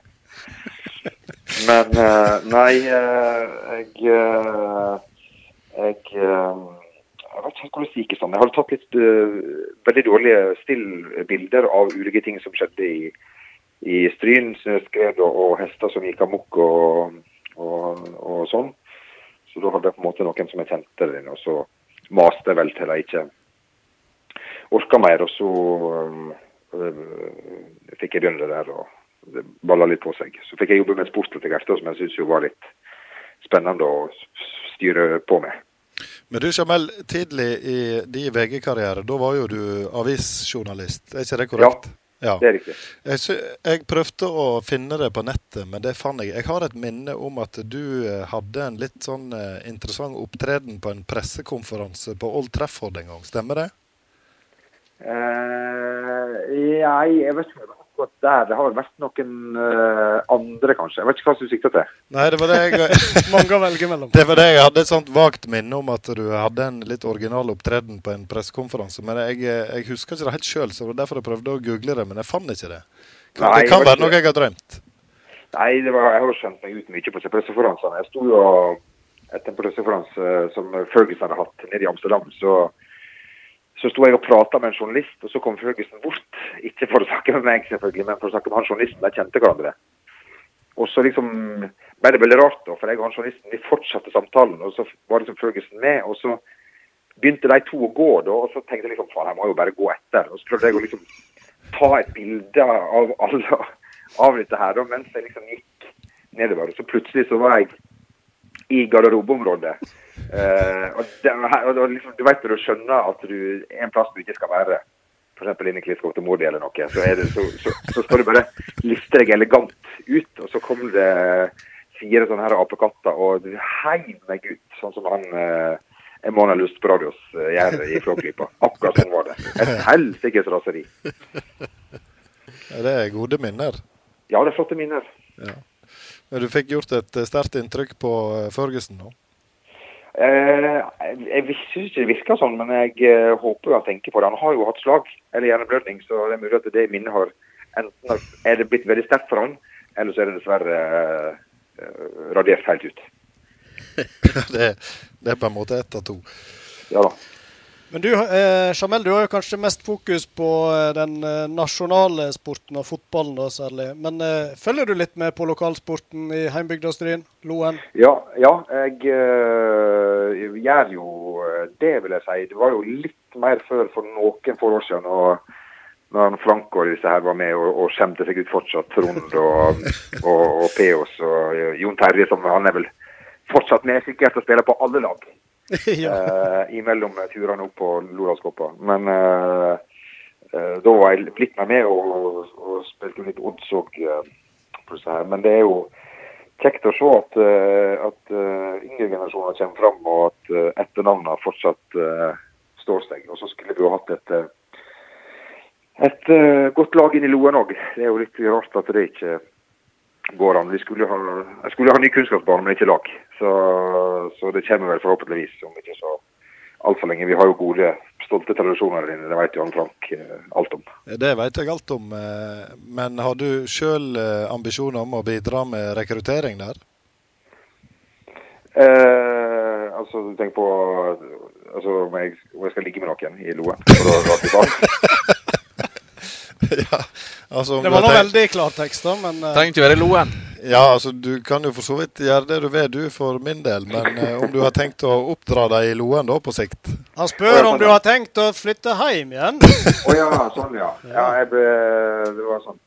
Jeg, altså Nå tipper jo jeg mye Viking Lotte Eurojackpot for å kunne på en måte gjøre meg selv økonomisk uavhengig. Sånn at jeg, ku- for jeg kunne tenkt meg å være mer hjemme f.eks.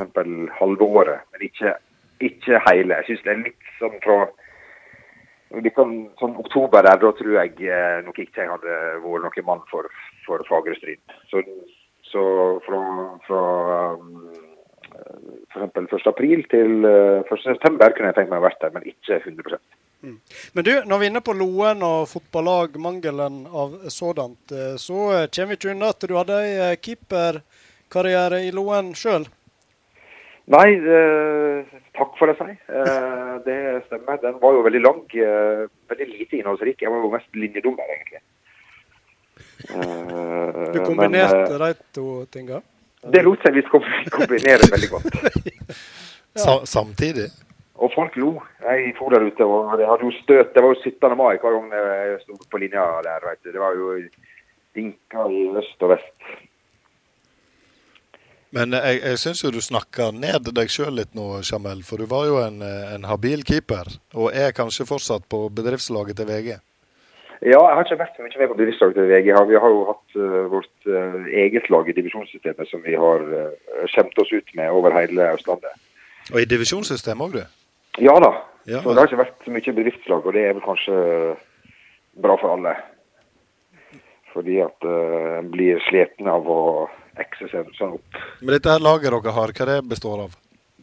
Det består av eh, litt ymse rundt om eh, eh, Det er jo bygdemonolitten, tradisjonsrikt lag. Erik Hoel har vel vært med der tidligere med, med, med bravur.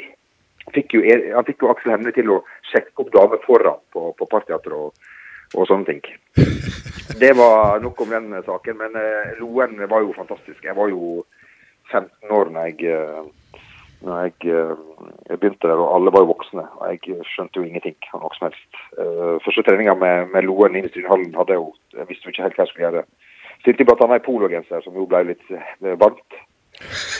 Og så var det jo utrolig stort at Erik Hjalmen var der med sånn Rico Vero-bil med svær logo på, på sidene og sånn. Så det, det var rett sånn jeg ble eh, voksen. Og jeg og Frank Hoel har eh, har jo vært med å, vinne en kamp i dag. Jeg husker Asbjørn Holmedal, som det også finnes et flott bilde av. Ja, jeg delte det bildet med redaksjonen, og de, eh, de så to veltrente unge menn. Det spørs, Ja, om? Spørs om vi skal dele det på Facebook-sida vår etter hvert når vi er ferdige her. Til glede Ja, for flere enn lurer, Jeg lurer på om jeg skal til å skrive. jeg tror jeg, jeg tror jeg sto den kampen i piké-T-skjorta til han Tore André Flo som han hadde i Sunderland. Oi. Eh, Jeg fikk en bag med noen assorterte varer eh, oppi en gang. Ikke direkte, selvfølgelig, men via Via, via. mye forskjellig rart. Så um, nei, det var en stor eh, tid. Mange flotte bortekamper som jeg ikke var med på å spille. Men jeg fikk være mye linjemann da. Helt til slutt, eh, Jamel. Jeg var inne på dette med lokalsport og følge med på den. Jeg regner med du har fått med at iallfall Stryn møter Sogndal i cupen. Har du et råtips der på resultatet? Ja, det er altså øh, Syns at han Eirik Bakke sliter litt med å få dreisen på det laget sitt, men det bruker som regel å komme. Og når de først liksom kommer i gang med Sogndal i første divisjon, så, um, så bruker de liksom å plutselig vinne fem-seks på rad, og så er de der oppe. Så um, jeg tipper at uh, Sogndal kommer til å ta det greit, men ikke med noen sånn voldsomme siffer. Det har jo vært stolte tradisjoner for cupfotball i uh, tidligere med store ting. da. Så det hadde vært morsomt om det skjedde igjen. Før du bestemmer deg for resultatet, eh, Jamel, så kan vi jo opplyse om at eh, Ulrik Flo mest trolig skal spille midtstopper for Sogndal. Har det innvirkning på ditt tips? Nei. Nei. Den er Han, bu- grei. han burde vært der fra starten av. Han kan ikke være spiss, han skårer ikke mål. Det er ikke så mange spisser på Sogndal som skårer mål. Nei, det er sant, da. Vi, vi takker så mye for tipset, men håper vel kanskje på et helt annet resultat. Uh, uansett, jeg er litt stressa, ser på klokka, og en TV vi har ved siden av oss. En pause er snart over, og du skal få lov å vende tilbake til en viss kamp eh, på TV. Tusen takk, Jamel Rake, for at du tok deg til å være med i Sport und Spas. Takk for at jeg fikk være med. Hei, hei. Hei då.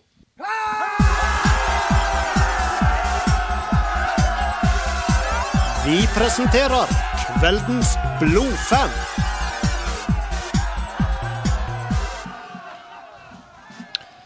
Yes, da var vi kommet eh, til vår eh, kjente og kjære spalte Vekas blodfan. Og denne gangen her har vi med oss han eh, Svein Håvik. Velkommen, Svein. Takk skal du ha. Du representerer Chelsea. Ja, jeg, jeg visste ikke helt Jeg fikk jo bare en sånn tekstmelding om jeg ville være med, så jeg visste ikke helt om jeg skulle ta på meg Chelsea-bunaden eller Florø-drakta, eller hva jeg skulle. Ja, du, Chelsea er jo ditt lag i England, og Det er det. Florø er jo ditt naturlige norske favorittlag, siden du kommer derifra. Selvsagt. Hvordan enda Svein Håvik oppe i Stryn?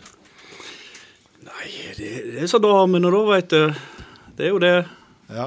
Jeg eh, gikk jo på lærerskolen i Volda, veit du, og der er det jo eh, Der var det 70 damer, der. Så det at eh, Var det en motivasjon for å begynne på lærerskolen? Ja, det, nei, jeg visste jo ikke det da når jeg reiste opp der, selvsagt. Men, eh, men eh, det, var, det var vel håp for alle, tenker jeg, oppi der. Og så var det jo sånn at jeg bodde jo på studentheim. Porse må vite. Sikkert noen av hver som kjenner til, kjenner til det.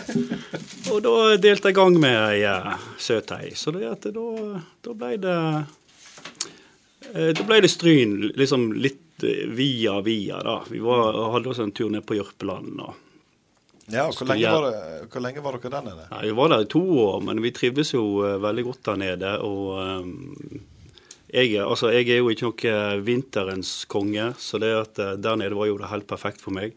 Uh, folk lo jo av meg når jeg skifta til vinterdekk, for det at, hva som var poenget med det den ene dagen det var snø.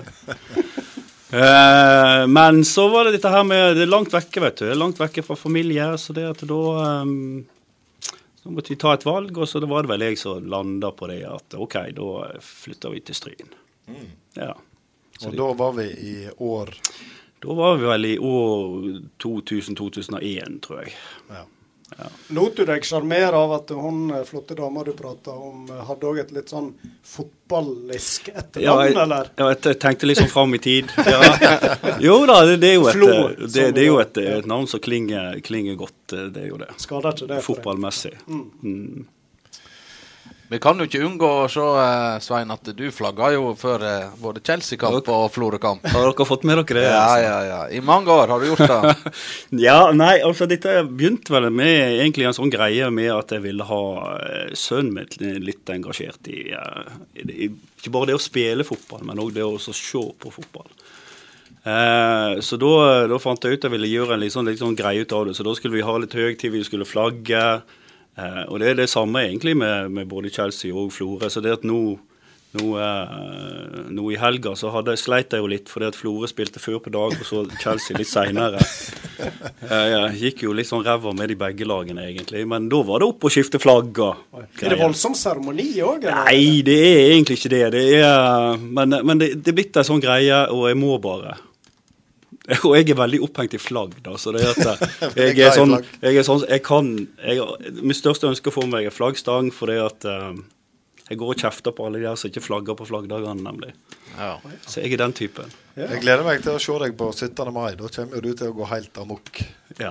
ja. Jeg har ikke flaggstang, da. Det er det som er greit. Nei, jeg har ikke det. Jeg skulle det- til å spørre om det. Jeg driver litt sånn snikskryt og bygger hus nå. Ja, ja. Gjelder det med sånn ut på terrassen? Nei, det de sånn- gjør egentlig ikke det, veit du. Oh, nei, det Da har jeg etter far min. Han har vært veldig obs på dette. Nei, de gjør egentlig ikke det.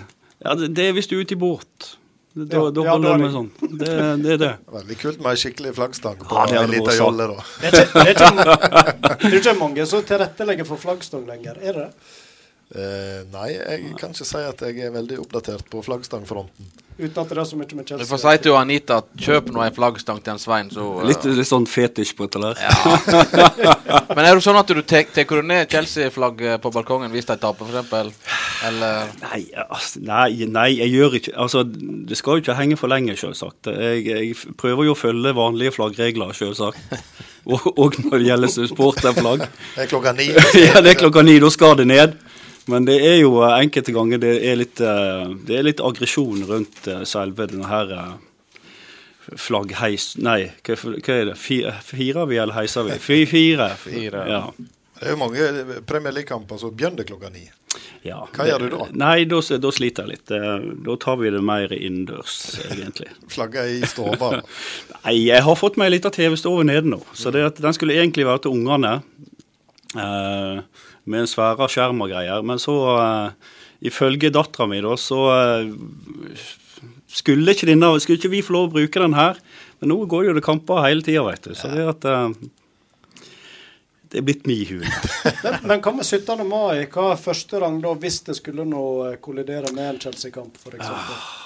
Nei, den, den sliter jeg med. Ok, Men Den den problemstillinga har du ikke hatt ennå, da? Nei, den har ikke hatt ennå. Men Svein, du eh, kommer jo fra Florø, så det er Mm. jo naturlig at Florø er dette hjertet nær. Men Chelsea, hvordan, eh, hvordan ender du på den klubben? Nei, altså det, det var vel eh, som så mange andre så var det vel helt tilfeldig, egentlig. Ehm, jeg husker det at jeg skulle, jeg skulle få meg en ny klokkereim. Eh, og mor mi tok meg med til urmaker Jon, Jons Mo og greier, og vi skulle plukke oss ut klokkereimet. Og der Jeg var jo egentlig ikke så veldig opptatt. Jeg spilte fotball sjøl. Det er snakk om tidlig barneskole her. Spilte fotball sjøl, men det var ikke knytta noe lag. Og så var det liksom det, slags reime var de hadde da. Det var noen svarte fider med, med emblem på og greier. Og da sto det mellom Queens Park Rangers og eh, Chelsea. Og Queens Park Rangers, Rangers hadde, jeg- hadde ikke jeg hørt om. Så da ble det, da Ble ble ikke du litt Chelsea. eh, fascinert? Var ikke det sikkert blå og hvit strippete klokkereim? Hæ? Nei, nei, nei, den var svart Den var med bare en sånn herre Ja. Noe som var stifta på, egentlig. Så jeg var i grunnen eh, Altså, det var jo ikke bare Det var jo dyrt òg, dette greiene her. Så jeg var jo eh, skikkelig stolt av den der eh, klokkereima. Og så eh, Jeg har jo litt eldre søstre, da. og Hun var sammen med en fra Botnane, og de drog meg med på noen saueklippinggreier jeg skulle bidra med. Eh, tynn spjæling, skulle lå dra en sau, og der mista jeg taket, så jeg ble ridende på den der sauen inn i den båsen. Men det, men det følger at den her klokkereima mi og det emblemet ble jo revet av, veit du. Det var jo det var jo egentlig eh, men, men det var liksom den spiren som var sådd, da. Og så var det fotballkort, da. Jeg vet ikke om jeg husker dette fra jeg, Jo, da, jeg bytta var da. Inn i den materien. Ja, ja. Eh, og så var det tippekamper, og så ble det jeg fant jeg plutselig når Kerry Dixon begynte der, så var jeg fan av han. Men altså, Chelsea var jo ikke noen storklubb på den tida, så det, det, var noe det var, ikke de, det, var, det var ikke den gullalderen som det har vært nå på 2000-tallet. Men det var altså klokkereimer som Det var klokkereima, klokkereimer, det var tilfeldighetene. Jeg- jeg- Altså, det blir noe sånn. Jeg snakker med folk Nei, de har fått en Leeds-bag, de har fått det, eller et eller annet sånt. Og dette var helt tilfeldig. Kunne fort vært Queens Park Rangers, eh, egentlig. Det hadde vært tungt. Ja, det, det hadde vært tungt. Men, men hvis vi spør sønnen din, da, så er det fordi pappa overtalte meg, eller? Er det det? Nei, jeg, nei, nei, jeg har ikke Jeg har ikke Dette her er jo bare pissepreik. Jeg har ikke lagt noen føringer på noe som helst. Dette er fra far til sønn, slik som det er med de fleste rundt bordet her, har jeg inntrykk av. Ja, altså, jeg begynte vel ganske tidlig å kjøpe effekter til han, så det er at han har vel eh, han har vel ikke hatt noe valg sånn sett. Og så har jeg heldigvis ikke hatt noen som har kommet med dinglene med andre typer effekter igjen. Men han prøvde seg med dette her, her er en periode om at eh, ja, Liverpool var nå ganske bra. Og det måtte jo vi eh, slå ned, fort ned på, egentlig. Du måtte lyge, da. Hæ? Jeg veit jeg har trådt inn i løvens hule her. Nei da, de har godt lag, de. Jeg skal ikke si noe på det. Men uh, du nevnte Kerry Dixon. Er det andre spillere som du har hatt eh, Jeg holdt på å si et godt øye til? Nei, altså, altså eh, Da blir ikke det før vi kommer opp på, på eh, 90-tallet, egentlig. For det, altså, Chelsea var nå litt sånn her eh, Det var jo en sånn middelmådig klubb, egentlig. Rykka ned et par ganger. Eh, Det var liksom ikke det helt store. Og så kom jo denne boosten litt på 90-tallet, da med, med, med Vialli og, og så kom inn, og da kom jo Sola inn, og, og Deschamps kom inn, og, Makelele kom inn. Og, ja, nei, altså, det var nå dette her med at eh, det var, det var plutselig uh, Altså um, Det kom en del navn til klubben. Litt eldre spillere, da. Men dette var jo før uh, de russiske milliardene kom? Ja, dette var før de russiske. Ja, det, altså, det ble vel ikke Når var det, da? Det var noe tidlig på 2000-tallet. Det at Uh, For ikke å glemme Erland Johnsen. ja, ja, han var jo en, og en eh, Han er jo en bauta. Jeg var jo, jeg var jo uh, forsvarsspiller sjøl i min karriere når jeg drev som fotball, så jeg uh, Alle disse her beinknuserne, det, eh, det liker vi. Vi skal vel ikke glemme en viss Tore André Flo som var der borte. Ja, han òg. Han hadde jo ei, eh, mener jeg, sitt beste spill der borte i de åra han var der. Han var jo, eh, han var jo heldig, altså, uheldig for han som måtte han konkurrere med Sola og litt sånn. da, Så han var jo ikke fast fast, men han ble liksom litt sånn super sub. Fikk du oppleve å se han live? Nei, det gjorde jeg ikke. Eh, jeg har aldri uh, verken spilt med eller mot eller sett han. Det har jeg ikke. Men du så han på Stryn videregående i fjor sommer? Det gjorde jeg. Det gjorde jeg. Det gjorde jeg. Plaster på såret. det gjorde jeg. Plaster på såret. Ja. Mm. Jeg tenkte på det at uh, dette er jo en London-klubb. Mm. Da er det vel ikke så dumt det for uh, kjerringa. Protesterer ikke på at Chelsea er dummeste klubben og får seg noen turer Nei, til nei, nei. Eh, nå er det jo det sånn at det er jo, det er jo ikke bare bare å reise til England heller. Det er jo et økonomisk spørsmål, dette her. Og, eh, men eh, var så heldig å ha hatt med to, to turer over med, med nå sist gang, nå i vinterferie, med hele bøtteballetten. Det er jo helt glimrende, veit du. Altså, vi skulle vel egentlig bort, eh, bort og se eh, Chelsea-Brighton, vel, tror jeg det var.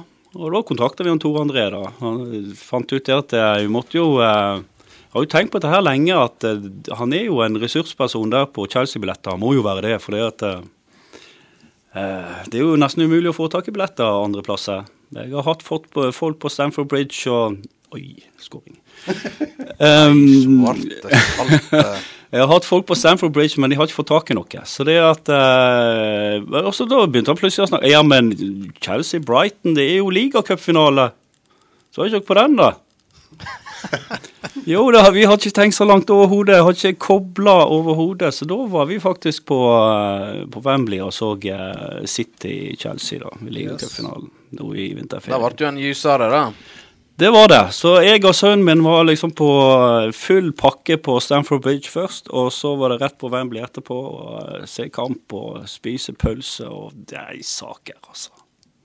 Begge var godt fornøyde. Begge var godt fornøyde. Det, det var vi. Men det ble jo tap, da.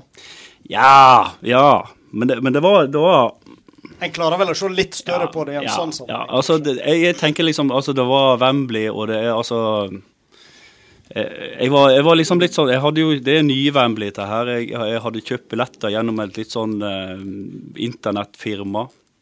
Så jeg tenkte nå det at jeg kom til å havne langt vekk i staden, opp en eller annen eh, Oppunder et tak der. Men jeg satt jo rett ned på og så rett ned på målet der det var straffesparkkonkurranse. Så det var hele opplevelsen. Og det å sitte der blant fansen. For det første gang jeg var borte, så satt jeg på liksom turistavdelinga sammen med helt borte russere og asiatere og sånn, så jeg egentlig ikke kunne noe. Nå satt jeg midt inni der, og det var Ja, ja. Jeg skal ikke banne her på radio, men det var liksom med, eller? Ja, det, ja, altså, sønnen min lærte en del nye Lærte Nye- pappa å kjenne på en ny ny- måte? Nei. Men uh, jeg forventer det at engelskmuntlig karakteren drar seg opp litt. Men visste du at du havna blant Chelsea-fansen? Ja, det, det, det, ja, ja det, det, det hadde jeg jo kjøpt uh, billetter i den seksjonen. Ja. Hadde vært litt trist hvis du satt med City-fansen. det hadde, det hadde vært veldig trist. Ja. Men du har jo vært på Stamford Bridge og Svein. Jeg har jo det. Eh, to ganger nå. Eh, jeg var der først i Når var nå det, da? I 2010. Um, det var jo da alt gikk eh, inn for deg. Eh, det var jo under Angelotti, vel. De slo Stoke eh, 7-0. Eh, fikk gleden av å se Drogba og Lampard og Terry og Cole. Og, nei, det var fantastisk. 7-0 må jo være flott å få med seg når Ja, ja, først er der. Ja, ja, ja. Men som sagt, da, da satt jeg på på en sånn turistseksjon, så det var liksom Det ble litt amputert, amputert så likevel. Egentlig. Ja, jeg har vært på Anfield òg, og satt eh, ene gangen så satt jeg eh, veldig nær borteseksjonen der. Og da følte jeg meg litt sånn eh, snytt på en måte. Da. Selvfølgelig stas å være der allikevel, men, men andre gangen da satt vi midt oppe på The Cop, og det var en, eh, en helt annen opplevelse. Det er en opplevelse, altså. Å kjenne liksom spyttet fra bakmannen komme nedover.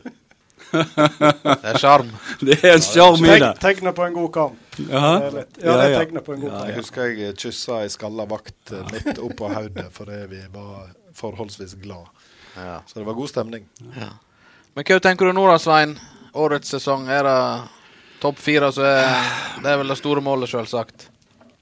Nei, altså, jeg, jeg satt jo på, på nå i helga og så um, eh, Da står det stille for meg. Burnley. Burnley-kampen. Og jeg tenkte det etter 20 minutter så tenkte jeg at det her er jo plankekjøring, egentlig.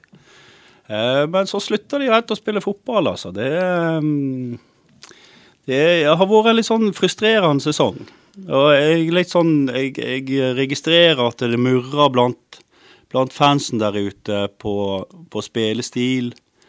Eh, det er veldig låst i et system. Eh, så istedenfor å gjøre justeringer innenfor, i systemet, så, så er det det samme som blir kjørt. Det er liksom bare de bytter ut spillere i samme systemet. Og det eh, Jeg veit ikke. Eh, Altså når, når, når ballen går det, altså det er jo et system som krever tempo i ball, og det krever stor bevegelse. Da. Men når, når bevegelsen ikke er der, og tempoet ikke er der, så jeg vet ikke. Jeg, jeg, det, blir, det blir spennende om vi klarer å kapre en fjerdeplass. Har du tro på Sarri, da? Nei, altså jeg har mista litt uh, Jeg har mista litt trua, altså. Jeg har det. Men samtidig så er det jo dette her med eh, Altså, spillere må jo passe inn i et system. Så det er at eh, Vi får se. Ja.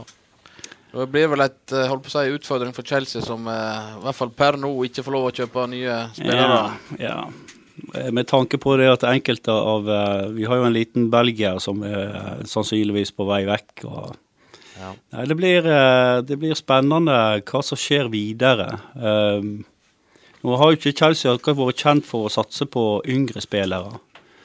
Uh, så det er spennende å se om de får mer tillit. Nevner, jeg, nå ser jo selvfølgelig du mer Chelsea-kamp enn jeg gjør, men når jeg ser, ser Chelsea, så føler jeg at de er veldig avhengig av at eh, Hazard er påskrudd og har Mm. dagen. Er det litt sånn? Det er jo litt sånn, altså, men, men samtidig så er det sånn at når, når Hazard har ballen til tider, så drar han ned tempoet òg i, i spillet. Så det, det er liksom ikke ja, det, han er jo en verdifull spiller. Altså, altså, han har jo assist og skårer jo så det, så det holder. Så det er jo ikke en spiller som jeg har lyst til å miste, selvsagt. Nei, det kan jo bli utfordrende for Chelsea, da, men eh, punkt nummer én er jo å sikre topp Det fire-plassen. er det. Det er masse som er gjort da, altså, egentlig. Men så må du jo, altså Hvis de ikke får, får noen nye spillere inn Det er greit, de har jo hva de har da? 45 spillere på lån eller noe sånt rundt omkring. Det er han Tor André som har ansvar for. Så det Ja, at, eh, Tor André hiver det ut øst og vest. Han er jo stadig på farten for Ja. å sjekke opp disse her Ja, ja, ja. så han har vel mer enn nok å henge fingrene i der. Ja. Blir det noe eh, tur over i nær framtid nå, eller har du brukt opp årets Nå vet du hva, nå har jeg svidd opp så masse av budsjettet at det tviler jeg på. Så jeg får sitte i, uh, i TV-stua mi og med Vet du, Jeg blir så grisende sur over når jeg ser kamp. og Jeg kan ikke sitte sammen med noen jeg ser kamp. Så det er at eh, Jeg må sitte bare blant likesinnede. Så, så um... Vi hadde Eirik Krossen på besøk. Det var vel Tottenham. det, og Ja. Han eh, for, fortalte at det, innimellom da måtte han bare si til sønnen som kamp at eh, nå må pappa bare gå Ja. ut en tur her. Ja, er det blir, litt sånn eh, eh, for deg òg? Ja, Jeg blir veldig engasjert. Det, det er liksom Uansett hva jeg, jeg ser og hva jeg, eh, jeg holder på med, om det så er gutt 13-14 eller hva det er for noe, så, så jeg, jeg kjenner det bobler, altså.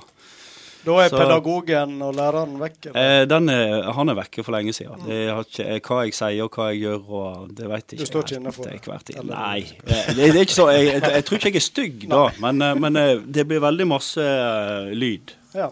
Det er bra. Det er godt med engasjement. Ja. Veldig kjekt du ville komme og skravle litt om klubben i ditt hjerte, Svein. Jo, takk for det. Takk for at jeg ville, fikk komme. Setter stor pris på. Så eh, før du forsvinner, så skal du få med deg ei eh, Det er ikke akkurat ei fotballdrakt, men i alle Ah. fall eh, Det er så nær som vi kan komme. ei unik eh, T-skjorte som vi håper du Ja. kan dra på deg når Ja, det er jo sommerlige temperaturer allerede ute. I morgen er det meldt 20 grader. Ikke Oi, oi, oi. I large. Ja. Går jeg inn i den, da, du? Du går så flott inn i den der at Det var large eller small. Det trenger ikke du å lure på engang. Tusen takk for Jo. besøket, Svein. Takk skal du ha.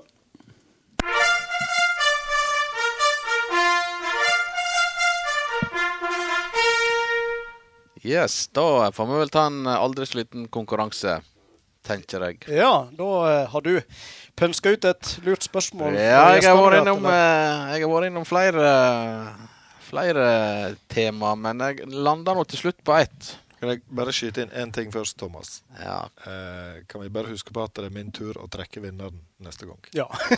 Det er greit. Takk. Da har vi på te- dette fikk vi med oss, Ove, at eh, han skal trekke. Det blir annenhver gang. Ja vel. Yes, nei, jeg har land, jeg landa på en uh, Jamel-rake. Vi må ha noe om han. Fordi at Det var jo å ta tak i. Ja, det var mye å ta tak i. Eh, og han eh, hadde jo en eh, spesiell posisjon på banen, stort sett. Han var òg linjemann, men det er ikke den posisjonen vi er ute etter. Det er som fotballspiller. Som fotballspiller. Posisjon til Jamel Rake på Loen. Det er dagens spørsmål, og svaret sender du inn på Messenger til Sporton Sport und Spas. Og det som er så veldig greit, fikk ikke du med deg nå, så blir det lagt ut som podkast. Og eh, konkurransen den går sin skeive gang i 14 dager til vi er tilbake igjen eh, neste gang. Hvis dette her er bildet vi snakker med Jamel om blir lagt ut på vår Facebook-side, så kan, kan jo der komme et kraftig hint. Et kraftig hint. Men det er ikke nøye. Vi, er Ja, er så storsin, vi bruker storsinneregelen her i studio at uh, det er ikke nøye, da. Vi gjentar spørsmålet en siste gang. Spørsmålet. Jamel Rake spilte i hva for en posisjon da han spilte på Loen? Flott. Da skal vi gå videre til eh, siste spalte, høydepunktet i dagens sending. Sitat, ord og uttrykk fra sportens verden som du nå får servert, enten du vil eller ei, ved Frank Hol. Ja, da var vi eh, der igjen. Eh, Sist gang så var vi innom eh, noe så utradisjonelt som et, etiopisk ortodokse, Thomas. Det skal vi ikke i dag. Men dagens uttrykk, det er å få så hatten passer. Å få som hatten passer? Ja. Okay. Det er vel et uttrykk eh, du her i redaksjonen i Fjordingen eh, kjenner deg godt igjen i? Godt kjent med det uttrykket. Er det det samme som å få ned til kragen? Det, er- det er det vel. Definitivt. Ja. Har du fått ned til kragen, Roy Aron? Eh, ja, det har jeg helt sikkert. Jeg burde ha kommet på en god historie. Eh, da må jeg tenke litt til, iallfall. Men eh, det eneste jeg vet, den følelsen av å få ned etter kragen, den, eh, den er jo ikke helt uh, behagelig, da. Men, uh, men hatten passer og ned etter kragen, det er jo to ganske forskjellige eh, begrep på en måte. Hva, hva har det med Nei, altså, overhøvling å gjøre? Eller? Vi forstår jo det hva det betyr. At vi får uh, kraftig kjeft.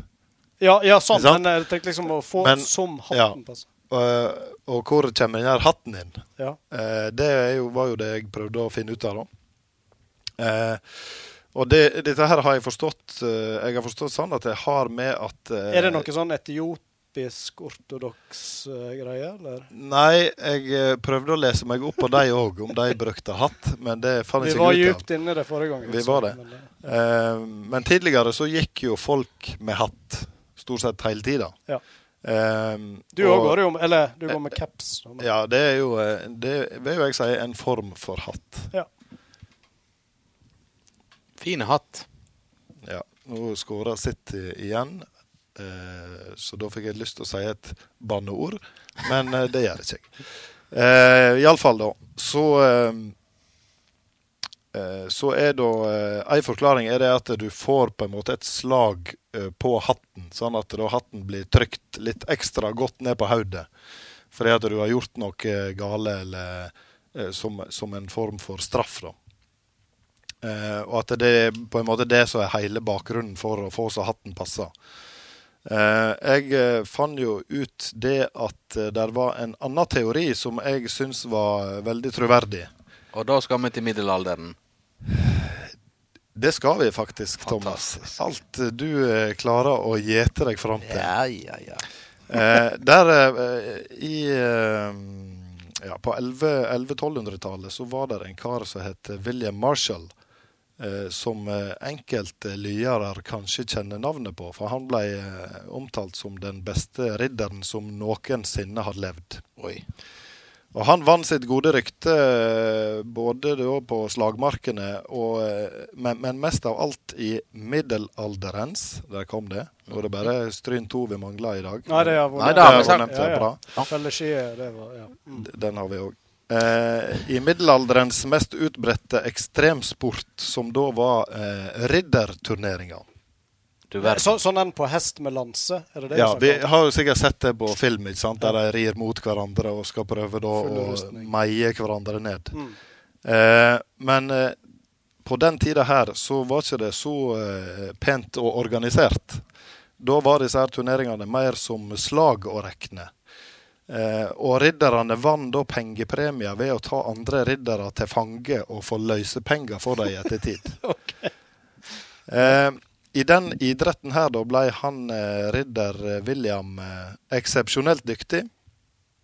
Eh, men etter å ha blitt kåra til den beste ridderen under ei turnering Han var god på kidnapping, med andre ord. ja, antageligvis god på, på mye rundt dette her. Ja. Antageligvis god til hest òg, vil jeg tro. um, Vi synser mye nå, men ja, det er viktig å synse. Ja, ja. Um, men etter en, en, turnering der han var kåra til den beste ridderen, så, så fant ikke de han igjen. Uh, han var ikke oppdrevet noen plass. Helt til noen eh, sjekka innom smeden. Uh, der fant de han med hodet liggende på smedens ambolt. Smedens Terje Mundal. Nei, det må ikke forveksles med smeden Terje Mundal, for han uh, levde ikke på middelalderen, så vidt jeg veit. han lå på smedens ambolt, hvis det er lov å si. Jeg tror faktisk det er lov å si. Okay. Uh, hjelmen hans hadde fått såpass mange slag, uh, harde slag at den hadde da kilt seg fast på hodet hans. Ah. Klassisk problem i middelalderen. Ja da, det kjenner vi alle til, som levde på den tid. Og først etter at da smeden hadde banka Nå ser han Roy Aron på klokka, det forstår jeg, men jeg er ikke ferdig. Vi mater på. Kjør på. Først etter at smeden hadde banka hjelmen tilbake da, på, i rett fasong da, med fortsatt hodet til han kjære William inni, kunne vinneren da til slutt motta sin fortjente premie. Det må jo ha blitt tinnitus ut av dette der. Ja, det tror jeg òg. Men denne hjelmen var selvfølgelig ikke en hatt. Nei. Men eh, mest sannsynlig, og jeg velger å tro det, at eh, den historien her er òg en bakgrunn for uttrykket 'å få så hatten passa'. Han fikk så hjelmen passa. Det gjorde han. Hodeflagget passet. Ja. Utrolig bra. Takk for meg. Veldig flott. Lektor Hol levererer nok en gang. Så mitt mål med den spalten her nå framover, det er å holde på minst så lenge at han Roy Aron ser på klokka. Ok, Men da har du lykkes to ganger på rad. Ja, på rad. Jeg går for hat trick neste gang. Kjempebra. Tusen takk til deg. Og da skal vi òg eh, si tusen takk eh, for oss, men først eh, retter vi takk til våre eminente gjester. Vi sier tusen takk til Anita Nyhammer, som var på besøk i studio. Jamel Rake, Ulrik Flo, Astrid Bjørke, Anders Fannemel og Mats Wie. Og ikke minst vår siste gjest, Svein Håvik. Vi takker òg eminente lydtekniker Ove André Årskog. Så sier vi tusen takk, og eh, på attøyer om eh, 14 dager med vi Med vi Nå er det, nå er det seint. Nå er det seint. Ved mi høyre side. Frank Hol. Ved mi venstre side. Thomas Taule. Og pent plassert midt imellom oss. Roy Aron Myklebust. Ha en flott kveld. Vi høyrast. Hei, hei. Hei då.